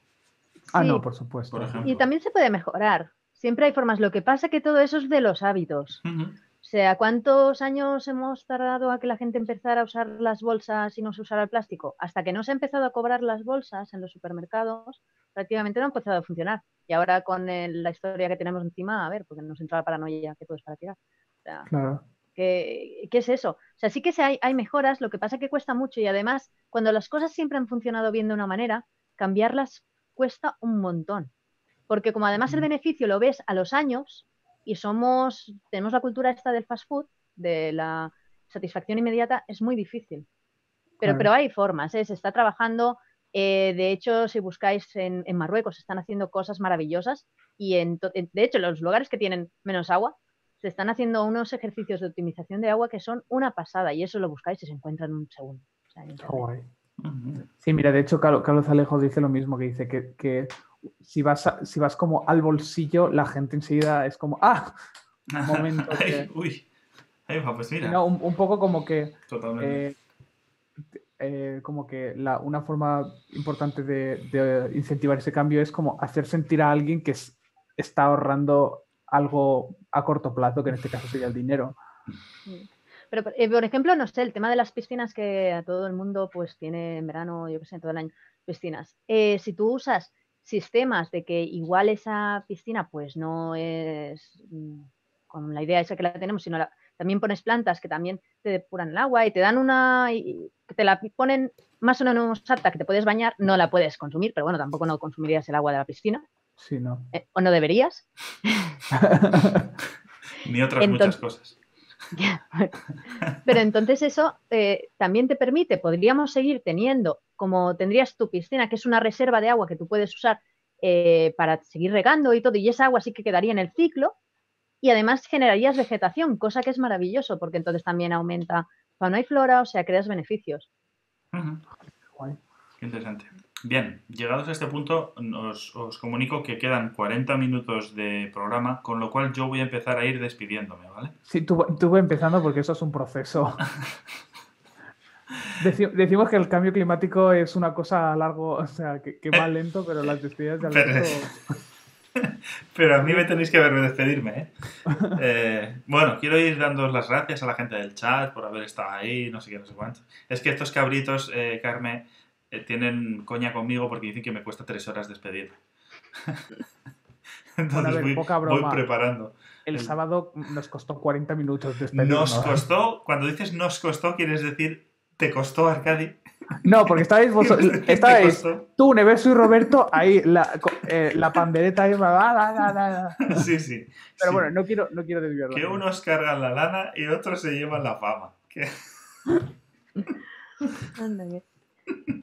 Pero sí, no, eh, aquí están diciendo, están diciendo un poco, están elaborando un poco lo que hemos dicho aquí de, formas como de incentivar el, cambio y el ahorro. Um, Muchos nos reímos, pero yo soy Alberto en la fiesta. Pues claro, pues eso, pues claro, Joanes, ¿me entiendes? claro que sí. Yo soy Alberto, pues eso.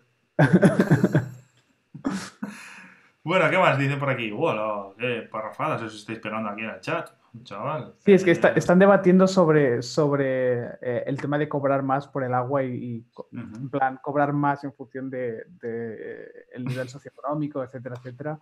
Eh, y en fin, es es lo que ha dicho Carmen, ¿no? Que, al final el cortoplacismo un poco se nos... Eh, cuando tú dices vamos a ahorrar agua para el futuro, pues esto es como cuando... Esto sería que por 2002 o 2003, cuando salía Aznar o Rajoy diciendo en plan de cambio climático es una cosa de la que se van a tener que preocupar nuestros tatara, tataranietos. Y es como, mm, pues igual te tienes que preocupar tú. igual tú no llegas a... Bueno, ese señor ya era viejo, pero... Igual yo no llego viejo. Ya. Ah. Bueno, es sacar y tirar pelotas fuera. En plan, ale, ya te apañarás. El problema es que por suerte o desgracia, como mm, por suerte o desgracia, sí, como todo se va acelerando, eh, el gloria que hemos tenido, pues vamos a tener igual más glorias y primas y familiares suyos. Qué guay, qué chachi. O sea, no es. pero hay formas de paliar. es, es, una señora que hay en mi pueblo que va. ¿Eso qué son? No, eh, los fenómenos, desastres naturales que se, se agravan en todo el planeta. Y de hecho, mm, ya se habla de que no se tiene que estar tan cerca de lo que es eh, el litoral por protegerlo. De hecho, los litorales duros también se tienen que, evitar un poco. Las dunas, esa cosa maravillosa que la gente se subía, se le iba a poner a hacer la croqueta, entonces se cargaba todas las plantas. Eh, eso es la barrera natural más maravillosa que puedes tener. O sea, y es súper efectiva. Y además es que es muy bonita y no hace falta ir jugando con las plantas ni haciendo la croqueta. De hecho, aquí en, Valencia hay ciertas playas que han prohibido como tocar las dunas y, ha habido recuperaciones bastante esperanzadoras al menos. Es como, mira, o sea, es cuando un, es como súper bonito porque es como que cuando uno hace las cosas bien, coño, las cosas van bien. no, es como si todo se fuera a la mierda inevitablemente, es como, no, es que podemos hacer cosas. Mm. Sí, sí, se pueden hacer un montón de cosas. Falta solamente ver un poco los frutos, porque sí que es verdad que si no ves los frutos, ¿no? intentar eh, hacerlo más divulgativo, o sea, que, eso se vea, y un poco a, acelerarnos a que las siguientes familiares de Gloria no nos afecten tantísimo, o que podamos eh, suplirlo. Claro, exacto. Esto es un poco como, eh, como intentar adelgazar y ponerse a dieta, ¿no? Que tú no haces tres flexiones y ya estás azado. Y, y, por eso cuesta y mantener, y coño, a mí me cuesta estar en forma porque no lo ves, porque eh, el resultado te llega como seis o siete meses después de estar todos los días ahí, dale que te pego. Y no sé, y con, el, con el, los ecosistemas y con el terrestre no podemos hacer una operación bikini. Está complicado. De hecho, ahora eh, también lo que se ha estado hablando estos últimos días, eh, cosa que está muy bien, es ya de los efectos de Miami. Miami ahora mismo, si queríais invertir, se os había pasado por la cabeza, no es buena idea invertir en Miami. Pero ¿cómo me dices esto ahora? Ahora. Pues espera que tengo que hacer un par de llamadas. Yo Sí, un par. Cinitv va, a- va a tener que cerrar una rama de su futura inmobiliaria. Escucha. Madre mía.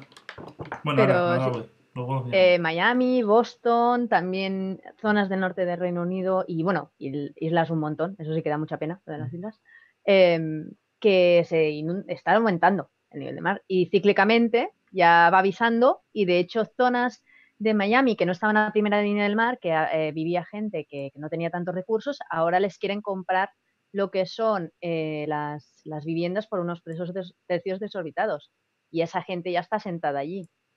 Y Te digo. Miami porque ahora últimamente ha sido muy notorio, pero hay muchos ejemplos y eso si ves, eh, creo que en la web de Naciones Unidas sale algo y después, bueno, eh, hay muchas fuentes de información, Mm, más o menos, no, no está tan claro. Hay algunas que no me interesa tanto. Mira, eh, te están diciendo, Carmen, que, que muy. Que Carlos Alejo dice que muy interesante el tema de hoy. Que gracias, porque está siendo como un programa bastante guay. Así que, bueno, gracias a vosotros. Entonces hay- me hace gracia eso, hay que invertir en segunda línea de mar, sí, o tercera, o, o no invertir mucho. No sé, yo eso, yo allí, yo estudio arquitectura, pero soy más de deconstrucción. o sea, no. Bueno, Eh, pues nada, eh, vaya, vaya, buena. O sea, ahora sí que hay una. Está habido una rajada bastante guay de, de cosas así relacionadas con el agua. Que da para mucho, ¿eh? Esto da para pegarse aquí todas las dos días enteras hablando, ¿eh? eh qué cabritos, me están ya troleando que qué buena despedida. Sois, sois, sois carroña humana, de verdad. O sea, es que no. Yo lo que estoy mistificado un poco es por un comentario que ha puesto José Ramón en el chat ¿Mm? que, que dice, igualito que la Junta de Andalucía recalificando las playas de Maro en Málaga o el desastre ecológico de Arraijanal, pero luego ha dicho, por culpa de una academia de fútbol ilegal. José Ramón, necesito que nos expliques qué desastre ecológico ha ocurrido por culpa de una academia de fútbol ilegal. Si quieres nos lo cuentas en el Discord, pero yo ahora me estoy muriendo de ganas. Ya, ya, ya. Pero si tiene que ver con el tema del, pro- del- del programa de hoy, por favor, ponlo en el chat porque... Uf, uf, El uf, que se calienta, madre mía. Uf, vale, a ver, despacio, que no, no, mm, eh, si pones mucho texto, ponle alguna imagen o algo, porque, por favor, Pero no eso me recuerda cuando, cuando estudiamos la carrera, que tú miras los planes de las zonas que son inundables, los planos de las zonas inundables y así, y de golpe te aparecía alguna forma geométrica como muy, muy irregular. Que entonces una zona que realmente sea así, era curioso, era simplemente que podía ser así, ¿eh? que la naturaleza puede ser, es maravillosa y puede casualmente dibujar ese, ese rectángulo perfecto. Pero sucedía en algunas zonas. Me acuerdo que es que además tengo la imagen, eh, no sé si era urbanismo. no sé. Ya. Madre mía. Claro, es eso que decimos, o cuántos eh, eh, pueblos o ciudades están en zonas inundables cada año, en, ota- en otoño nos hacemos un hartón de decir, anda, que es que cae un montón de agua, se ha vuelto a inundar. Y Claro. eso todos, en, en todos lados. Bueno, eh, ahora que lo veo ahí en el chat, aprovecho y recuerdo a todo el mundo, antes de que me lo recuerde Arcadi, me voy a acordar yo, que os Ya, podéis suscribir porque tenéis un botoncito maravilloso, moradito, ahí que pone mm, suscríbete o te puedes suscribir, no sé muy bien cómo lo pone porque yo ya estoy suscrito a Escenio TV, así que ya no sé cómo sale la notificación, pero quien no esté y quien no tenga una estrellita en el nombre en el chat, se puede suscribir y ayudarnos a aumentar y mejorar este proyecto. Yo me podré comprar una peluca para no asomar aquí el cartón agua en todos los programas. O Em, ducharte también. Pod- podré comprar una pastillita de jabón para ducharme. Yo, si, si, si se suscribe más gente, yo luego ya incluso podría pensarme en lo del tema de ducharse. Y nada, que tenéis un montón de motes, que luego podéis acceder al canal de Discord privado en el que estamos ahí hablando con los suscriptores ahí de jajas. Tenemos un montón de movidas. Tenéis, tenéis un botón. Eh, no estoy viendo el emote del botón en el chat. Yo lo siento, pero si no... me- Tenemos que recordarle que hay Ojalá hubiera un botón. para ahorrar agua. Ojalá hubiera un botón para ahorrar agua. Totalmente. Totalmente. Así que nada, bueno, em, pues eso, la- el recordatorio friendly reminder, que os podéis suscribir, por favor. Oye, eh, Arcadi, cuando suena ese sonido, tío, que me raya mucho, ¿qué es? ¿Qué pasa? ¿Tú has oído ahí como, estoy el... como un arpa A ver si estás teniendo... Es que no a veces suena Vale, eso es porque nos está hosteando alguien. Ah, porque pues alguien está, pues mostrando nuestro programa. Gracias. ahí lo pone. Monitor de Monito de Darwin. Muchas gracias, Monito de Darwin, por hostear. Vale, gracias. Es que no me, no me había salido la notificación todavía. Perdón, perdón, perdón. Mira, y ojo, porque Oreo FB, o como se dice, nos ha dado 100 bits eh, para que te puedas permitir la pastilla de jabón. Joder, ya era hora, gracias. Gracias, gracias. Oye, pero a ver qué pastilla compras. Pienso claro, allí hay un marrón. Claro, a ver, igual me confundo yo por el camino y cojo la pastilla, ¿no? Pero gracias, no obstante, Oreo. Que, ay, por cierto, ahora que me acuerdo. Pienso eh, ducharme. que antes, antes, cuando estábamos hablando de, eh, el uso doméstico del agua, eh, habías hablado que, una cosa guay que podía hacer la gente era eh, usar productos que costaran como menos de, separar o de, procesar. Bueno, no, lo, que son, o sea, todo esto, lo que es la cosmética ecológica que ahora está súper de moda, pues entonces tienes pastillas de jabón que usan productos que se, degradan más fácilmente en el medio entonces ah, impactan menos. De hecho, para limpiar tampoco no necesitamos tanta cosa. O mm. sea, a ver, tampoco no me voy a meter mucho en eso, pero que todas las tenemos muchas envases, que al final eso también es plástico, que te está generando después unos residuos, porque bueno, sabéis también el efecto de los microplásticos, que la mayoría de pescado que comemos tiene residuos de plásticos y todo el rollo, que los microplásticos no es que se vean, es que no se ven. O sea, cuando es ah, micro es que micro. Claro, ya no, claro, pero a veces cuando dices micro dices, ah, es que es pequeñito, igual se ve en plan, como nosotros podemos llegar a ver hasta medio milímetro. Entonces, dices, vale, eh, pero si es más pequeño y además con los años también llegas, tienes menos precisión y todo el mundo... En ciertas condiciones ópticas. sí. Eh, entonces es eso, que cuanto menos... Y también que limpie una cosa no, no implica que tenga que hacer jabón. O sea, no tiene, para que limpie una cosa no tienes que tener allí la espumareda de como si estuvieras haciendo una fiesta de espuma. Cada es una cosa que, lo he oído en varios sitios, que le ponen como para los jabones que como para que haga más espuma porque nos parece como que funciona más cuanta más espuma hace. Sí, y eso es algo que tenemos tan metido en la cabeza que nos pasa a todos. De hecho, desaprender cuesta más que no aprender casi un hábito nuevo. Y además desaprender algo que está tan, tan asumido. Eh, hablo en todos estos conceptos, en plan, ¿por qué yo, si yo quiero tener sandías, ¿por qué no puedo plantar sandías si tengo terreno? ¿Sabes? O porque si todo, pues, no sé, pues igual tú también puedes comer una cosa más estacional que te va a aportar también beneficios y además como va a estar adaptado el clima, tu cuerpo lo va a agradecer y vas a causar menos impacto. Totalmente.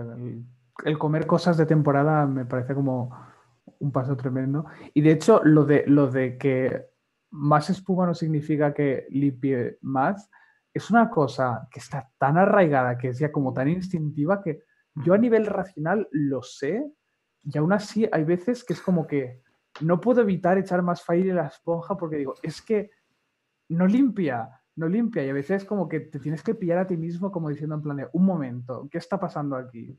¿qué estoy haciendo? ¿no? Porque es fácil como caer en esos automatismos, mm. digamos. Claro, o sea, es que puedes limpiar sin que, o sea, está claro que por tema de bacterias y todo, y además ahora sí que tienes que tener mucha higiene, pero tener higiene no implica que tienes que dejar el rastro. Claro. No hace, no hace falta ser notorio. De hecho, el alcohol hidroalcohólico que ahora nos ponemos todo, eso parece agua, por así decirlo. De hecho, por la textura no es igual, pero sí. Madre mía. Mm. Pandora dice que su tía vive aquí en la ciudad y tiene uvas, sandías, damascos, limón y granadas. El patio de su casa es gigante. Joder, ya ves. Madre mía, es que si tiene patio en casa, guay, porque yo, yo ya te digo que en, el balcón que tengo una sandía no puedo plantar. Mm. Ya, claro, eso te iba a decir. Que yo tampoco es que pueda hacer ahí un jardín botánico. Una tomatera. Bueno, lo que sí que puedes tener son al menos las aromáticas aromáticas estas, que además el mantenimiento no suele ser muy alto. Claro, depende si tu, eh, si tu balcón o lo que sea, o incluso la ventana, porque no hace falta tener un balcón para tenerlo, puedes tener una zona de casa. Em, tú, si te da a sur, pues controla un poco también el efecto invernadero de la ventana, porque si no, eso va a ser un solarium que las vas a tener a chicharrar. claro. ya ves. Justo que dice Custodian, ¿eh? ¿eh? hablando de limpiar. Y de la, cuando alguien lleva al extremo lo de la manía, bueno, manía, o el, o el hábito de limpiar, o como depende de para cada persona ya. es manía o es hábito. Eh, ¿Visteis lo que salió hace unos días que desinfectaron una playa entera con lejía? ¿Habéis visto la noticia? Hubo una noticia, un ayuntamiento decidió limpiar una playa entera, o sea, con un tractor y un pulverizador, echando lejía, tal cual, en la playa para desinfectarla, para que no cogiera coronavirus. Oh, no. oh, no. oh, no. No tenemos un, un emote de oh, no. Así tal claro, Pero entonces arrasó, es como un barco pesquero de arrastre. Claro, es que eso tiene que ser como. Bien, como la matanza de Texas versión eh, playa. O sea, madre mía. Pues sí, sí pasó. O sea, yo sé que sí que vi, por eso lo he querido mencionar, pero. F en el eh, chat, por eso F en el chat. Sí, bueno, ese mote Scorpion puede valer. Sí. Pero, pero salió, salió. Es que yo lo he visto, por eso lo he mencionado, porque se le... O sea, imagínate oh. la cabeza que puede tener alguien para decidir, decir, mm, venga, pues vamos a desinfectar. Si esto funciona, si, si, si, para las manos sirve, pues lo voy a echar ahí, toda la, voy a rociar la playa con... y, aparte el efecto, ¿y eso cómo se quedó después? Porque claro, allí... no es que... no sé, Claro, ¿dónde fue eso? Yo, yo ahora quiero Yo no sé exactamente. Si alguien puede buscar, por favor, la... Yo me podría lavar con esa lejía, sí, podría probar. eh, ¿Puede alguien buscar mientras tanto la noticia y, pedir acceso para dejar el enlace o algo así? Em, pero sí, porque yo ahora estoy como muriéndome de curiosidad, digo. Sí, sí. No sé, pero me parece una cosa brutal. Porque entonces, además es que eso en la tierra, si no fuera, a menos de que no haya cemento debajo, súper aislado y tal, es que. Y si hay cemento me parecería también una burrada. no sé, pero es por decir, y después entonces toda la fauna y flora que estaba allí, caput. Claro, imaginaros. Es que imaginaros. Es, eso que como además es, penetra y, eso se queda ahí, vamos. Hombre, y que en una playa eh, lo arrastra el agua y... Filtraciones. Y tal igual. Oh, eso sí, creo que su propósito lo cumplieron, porque ahí no creció ni coronavirus ni, ni, Cristo que la fundó. O sea, ahí no hay bicho que... Mira, Mira estoy bien acaba de poner el enlace. Ahí está, en Zahara de los Atunes. ¿No? ¿Es Zahara de los Atunes? Sí, sí Zahara de los Atunes. Pues ahí. A tope. Pues muy bien, ¿eh? Gran idea. Lo hicieron sin autorización medioambiental ni sanitaria. Bueno, no te jode, evidentemente. y mira, perjudicaron la zona de nidificación de varias parejas de chorlitejos patinegros. Ahí yo puedo ayudar. Chortilejos, perdón. No, no, chorlitejos, chorlitejos, lo has hecho bien. Ah, vale. Chorlitejos patinegros. Ah, pues aquí está escrito chortilejos. Pues, pues es un No ha quedado vivo ni un insecto. Oh, sorpresa. Y en fin, bueno, la flora y tal. Uh, Zara pues de los atunes, ¿por dónde está? ¿Eso es el Mediterráneo o es el Atlántico? Eh, no tengo Porque la Posidonia. No estoy muy puesto yo. Parece que es el Atlántico. Sea donde sea. sea, donde sea es una idea de lo más. Es un lugar un poquito peor ahora. Para los premios Darwin, ¿eh? Muy bien. Madre mía. Y, aparte después a ver quién va a la playa esa, porque se debe haber quedado claro, claro, es que ahí se ha quedado todo el, todo recao, totalmente. O sea, si yo me acuerdo cuando ocurrió lo de Hiroshima, no, lo de Hiroshima, ¿dónde era? ¿O sí que era Hiroshima? No, Fukushima. Hiroshima es lo de la bomba atómica. Cuando ocurrió lo de Fukushima, de la, explosión mm. eh, de lo de la central nuclear, que había gente que decía en plan de no eh, el pescado que se pesca en el Pacífico ahora no se puede porque está contaminado. Imagínate que dicen, no, hemos mojado una playa entera en lejía. lejía, o sea, es que no es echar, es que es lejía. Es que es lejía. Pero no estaba ni disuelta ni nada, porque, bueno, es que claro, si ya está allí. Ya eso ya. Ya, ya no, no, no sé. está ahora. ahora. Ahora la tenemos hasta aquí. Claro. Claro. claro. Sí, le voy a ceder mi, uh, mi barba para que aniden esos pobres chorlitejos. Es zona de protección especial para las aves, mi ah, barba. Y aparentemente fue una asociación vecinal, no fue tanto un ayuntamiento. Ah, vale, no fue el ayuntamiento, vale, vale, menos mal. A ver, es que también me imagino que, que, un ayuntamiento no podrá hacer esta clase Por eso a mí me, eh, me, me, me, daba un miedo tremendo. Pero bueno, menos mal que por lo menos entonces no. Claro, pero también hay una cosa, cada vez que se toma alguna decisión de, es lo que decíamos, ¿qué priorizas? Por ejemplo, en tema de ahora, ahora estamos con toda esta movida. ¿Priorizas que realmente la gente eh, tenga más control del agua o pasas de todo y, es muy complicado? ¿Qué le das más valor? De hecho, Porque, ah, no, perdón, te he cortado. no digo que hay, hay formas de que tú sí que puedas. sí, pero que en este caso, claro, no, no lo sé tanto, ¿eh? Pero eh, otras bacterias que tú sí que las puedes eliminar, bacteria, perdón, virus u otras cosas que nos hacen daño, por así decirlo. Eh, tú las puedes matar de una forma menos agresiva para el entorno y para ti mismo y que las sigues matando igual, eliminando. Pero en este caso, Es en este que- caso que no está tan estudiado, claro, ¿qué priorizas? En este y en otros, ¿eh? yo qué sé, en, en el tema de, de la agricultura. ¿Dejas que la gente deje de cultivar a rajatabla o cómo trabajas? Claro, eh, cuando hay falta de... Entiendo que es una situación peleaguda. También tengo que Mm. decir que eh, literalmente, eh, según declaraciones de la, la entidad local autónoma, que imagino que es la sección esta de vecinos, eh, lo hizo simplemente para que los niños pudieran utilizar una playa limpia el primer día de su salida del confinamiento. O sea que Hombre. ver, entiendo que está ese era un claro motivo un poco que la- más... La, idea era buena. en su cana- eh, como en pantomima, en su cabeza sonaba bien. Claro, Sí, entonces... La idea era buena, si no lo discute, no lo discute nadie. Joder, pero eso es como, tío, no sé, eso es como tener, eh, ves una araña en casa y le prendes fuego a la habitación. A, a la araña me la cargo. Sí, de matar mosquitos a cañonazos. Sí, sí, Ah, literalmente. Totalmente.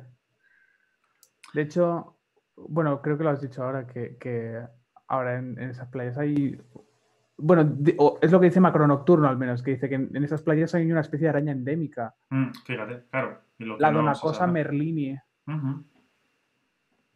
Y, uf, en fin, es, es, es, eh, es un problema, el problema grande que es la, ¿cómo decirlo? Cuando mezclas ciencia con política, porque al final eh, todo, todo lo que sea actuaciones contra el cambio climático, pues requiere de, un- de una intervención política, económica, social, tal. Ujú. Y como las personas somos como somos, y no, uno no siempre actúa de la forma más lógica, ni, ni, ni, ni, ni siquiera tiene toda la información, porque si todo el mundo tuviera un máster en sostenibilidad, pues otra cosa, pero no todo el mundo. Entonces, eh, es un poco lo chungo. Pero bueno, yo no quiero estar aquí pontificando, hombre, que yo no soy el experto en esto. Que a veces, es que el problema que tengo es que como soy físico me pongo a hablar y por favor, decidme que me calle porque me lanzo ahí y aquí realmente la, la experta es más Carmen que yo. No, no, te pones a rajar, tío, y aquí cualquiera te chista, macho. Es que, es que me, me- me puede, me puede la ansia. Bueno, eh, no sé, algo más que queréis preguntar, aprovechar que queda nada, ¿eh? Voy a empezar a despedirme, ahora ya sí que sí, que ya me he puesto la alarma del móvil, son y cuarto, ¿eh? Me voy a empezar a despedir. Como no le hagáis alguna pregunta más a, a Carmen... Hablad ahora las- o callad para siempre. con las despedidas, Vas ¿eh? callad para una semana. Mira, claro, joder, ostras, ojo, ojo, ojo, ojo, ojo, ojo, que se abre un vórtice. Dice Joan, es que todo el mundo tenga un máster en sostenibilidad no es sostenible. No. Bueno, de- es que de hecho, una cosa es que sea sustentable y otra cosa es que sea sostenible, ¿eh? Es madre. diferente. Oh. Que ahí entramos ya en una dicotomía que. Pero, y aparte, la información no la tienes solamente en un máster, ¿eh? Ahora, por suerte, tenemos información en todos lados. Si lees los informes de IPCC y tienes para rato, allí ya puedes tener información como para tener eh, suficiente opinión. Y, a- entre eso, los ODS y meterte en alguna historia, bueno, y los algunos informes que hay climáticos, pues ya está. Es que de hecho las titulitis, pues son titulitis. Están ahí. Sí que es verdad que algunas cosas son muy interesantes y es verdad que en el máster aprendí eh, unos indicios de cosas que igual no me hubiese, eh, me hubiese costado mucho más encontrarlo por mi cuenta, pero, pero vamos, que ahora hay mucha información y está súper bien. Sí que es verdad que a veces no es tan divulgativa porque los informes del IPCC, bueno, eh, a veces son complicados. Hombre, los informes del IPCC son, un- ya lo digo yo, tranquila Carmen, lo digo yo, son un ladrillo infumable. Asustan. Una vez. Eso no, te lo, es que eso no se lo lee ni, ni el que lo ha redactado.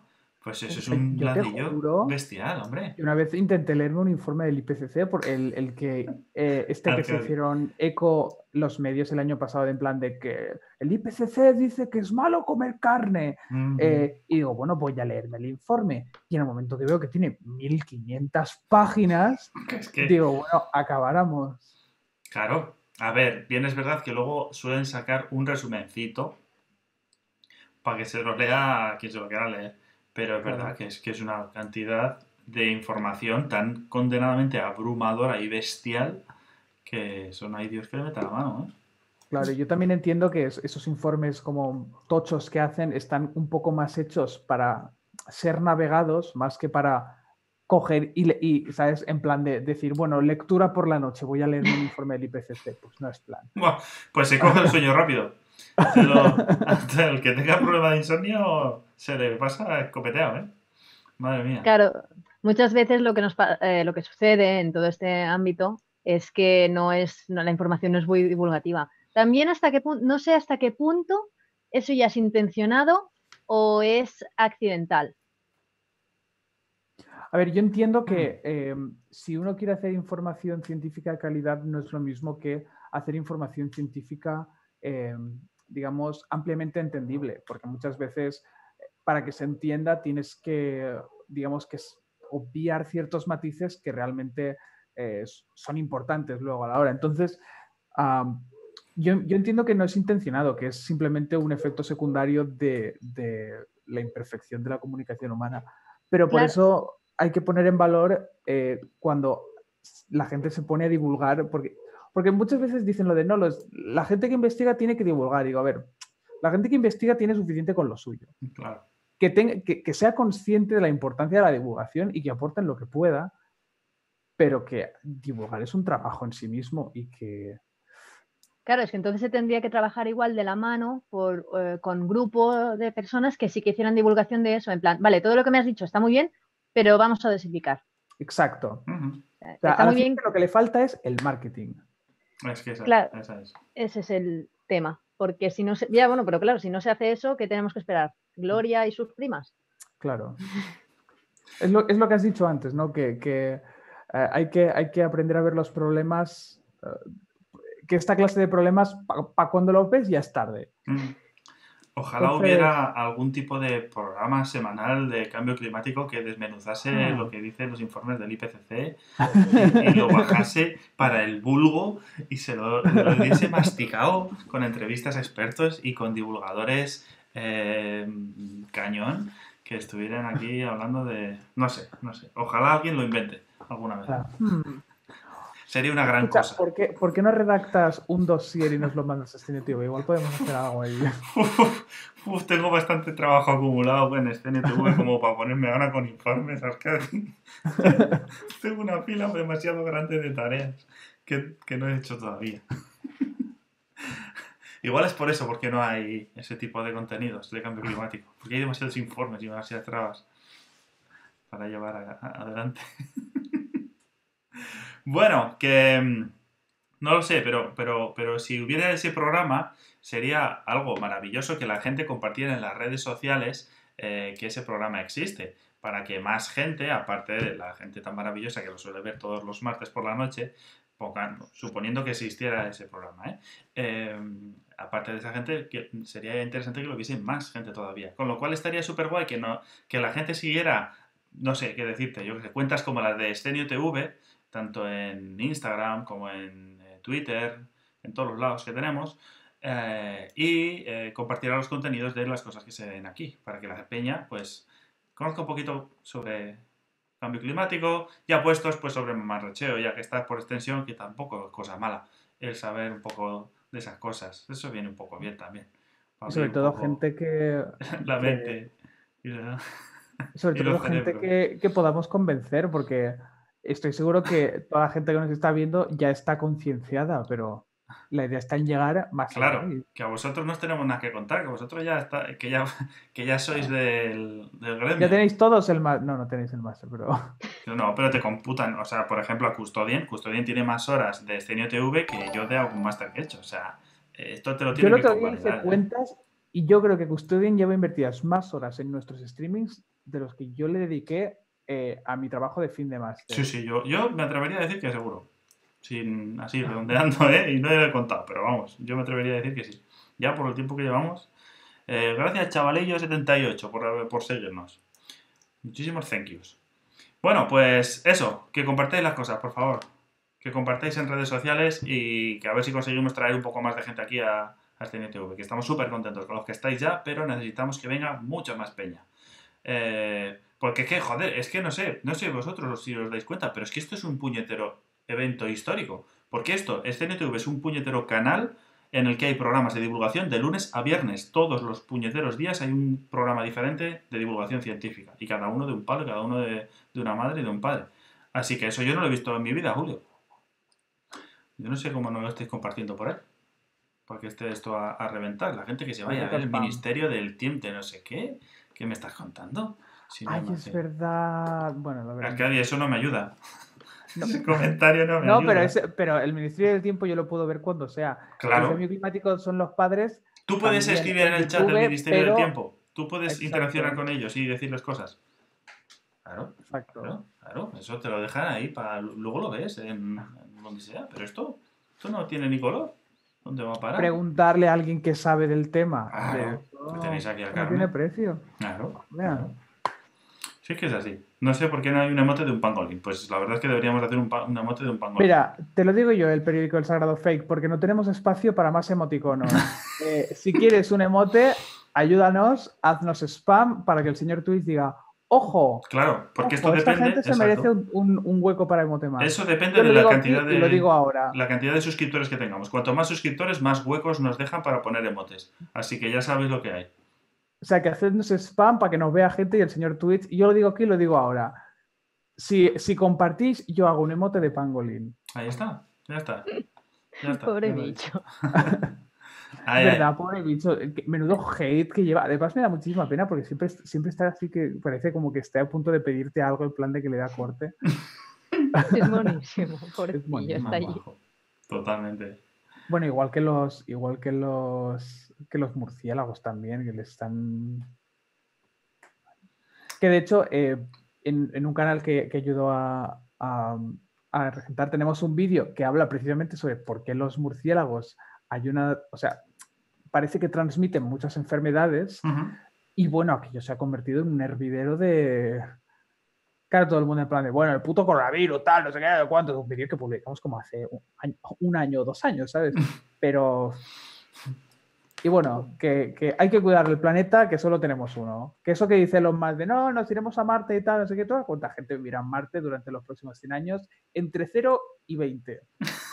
¿Sabes cuánta gente somos aquí? 7.000 millones. A, a poco cabemos. Claro, ¿cuántos martes hacen falta? Muchos martes. Madre mía. Ya está, perdón, es que me, me, me Que puede. se calienta, se calienta la boca, se le calienta el hocico a Arcadi.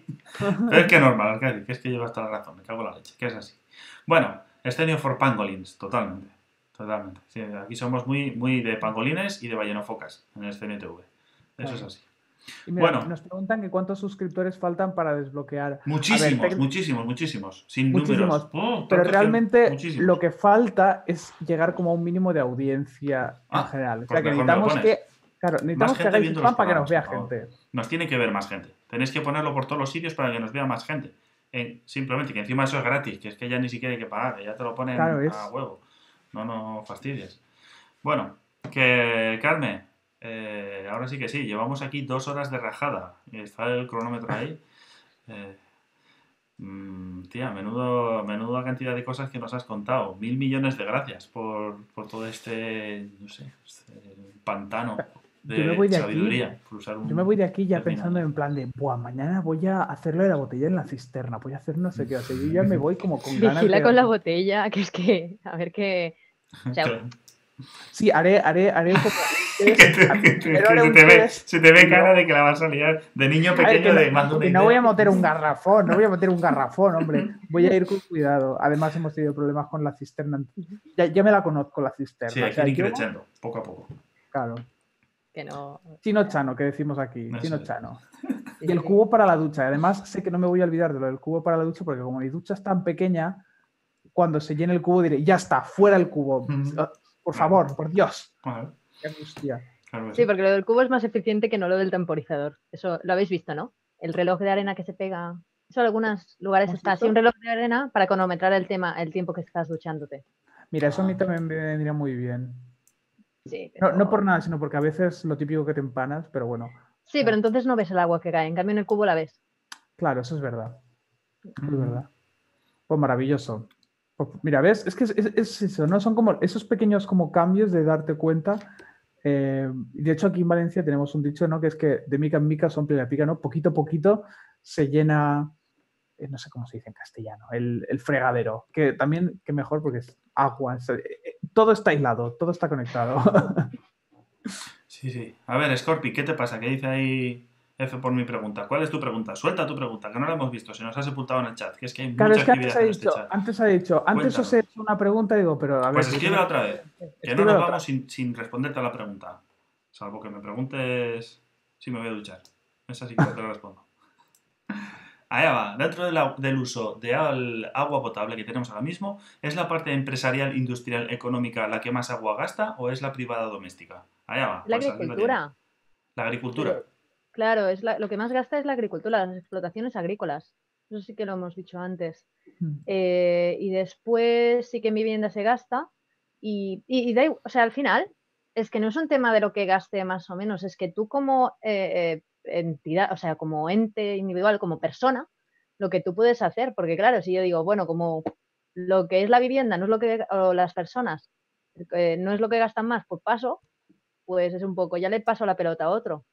Entonces, si estamos eh, hablando de un recurso limitado que es a nivel global, lo que tú puedas hacer, eh, que estés dispuesto a sacrificar, o sea, tampoco no se trata de que mm, no te duches en una semana, porque si no, entonces puedes pillar de todo. O morir de deshidratación o cosas así. Claro, tampoco no hace falta llegar al extremo, o sea, tener un poco de, usar el cerebro.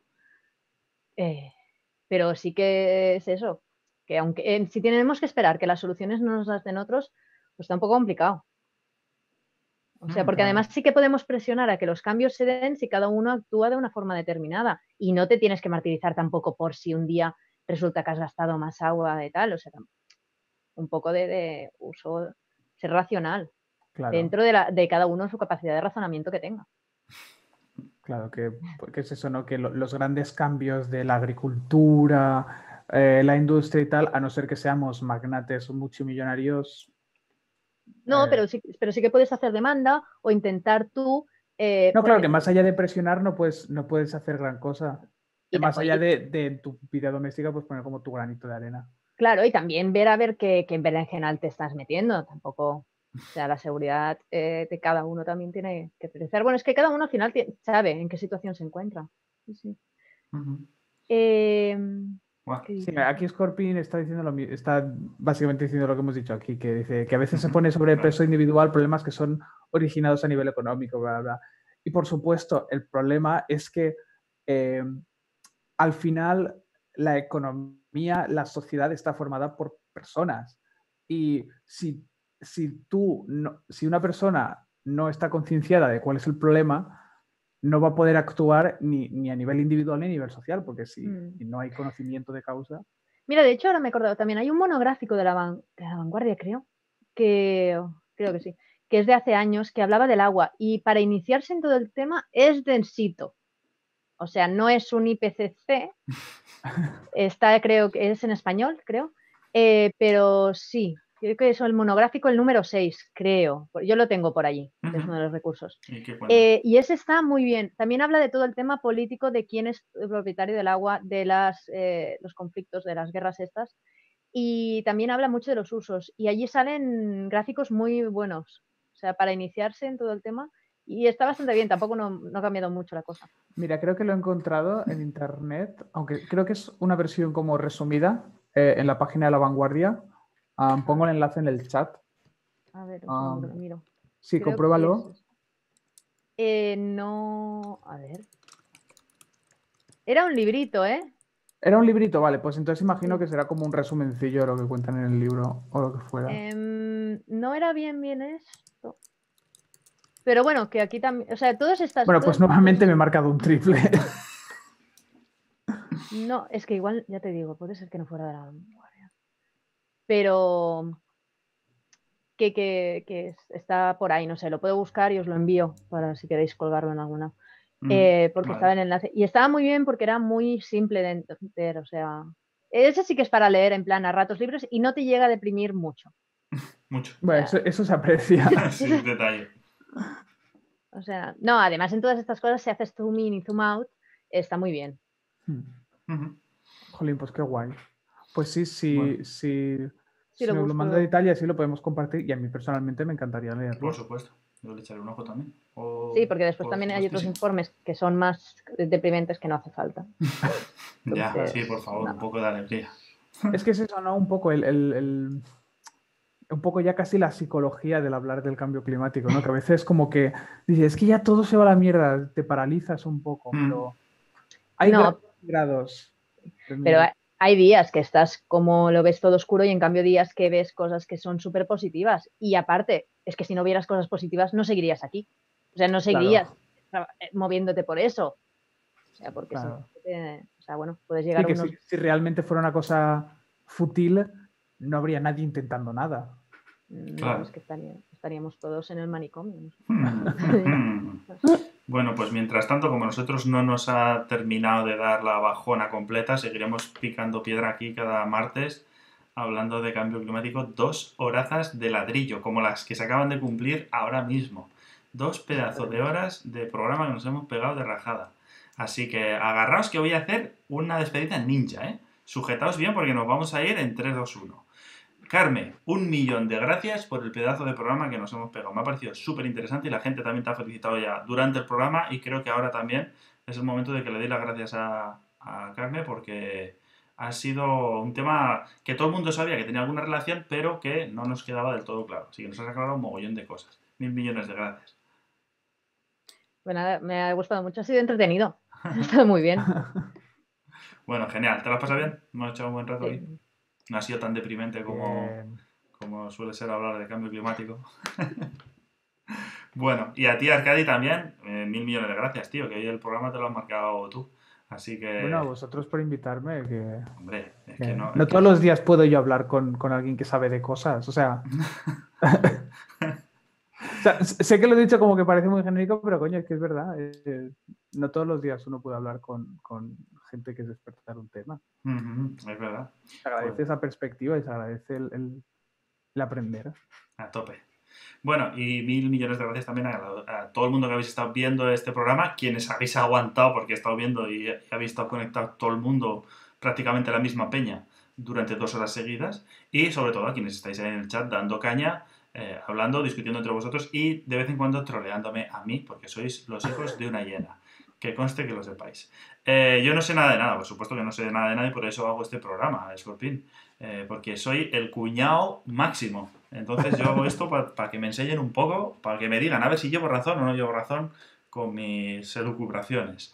Bueno, que lo dicho, que nos vemos el próximo martes aquí a las 9 y media de la noche en Escenio TV para hablar de cambio climático, pero mañana tenéis a los Crespos ahí hablando de sus movidas pseudocientíficas y el resto de los días de la semana, de lunes a viernes, tenéis contenido de divulgación científica en Escenio TV. Que lo sepan y que se enteren por esta con Chinchina, por favor, ¿vale?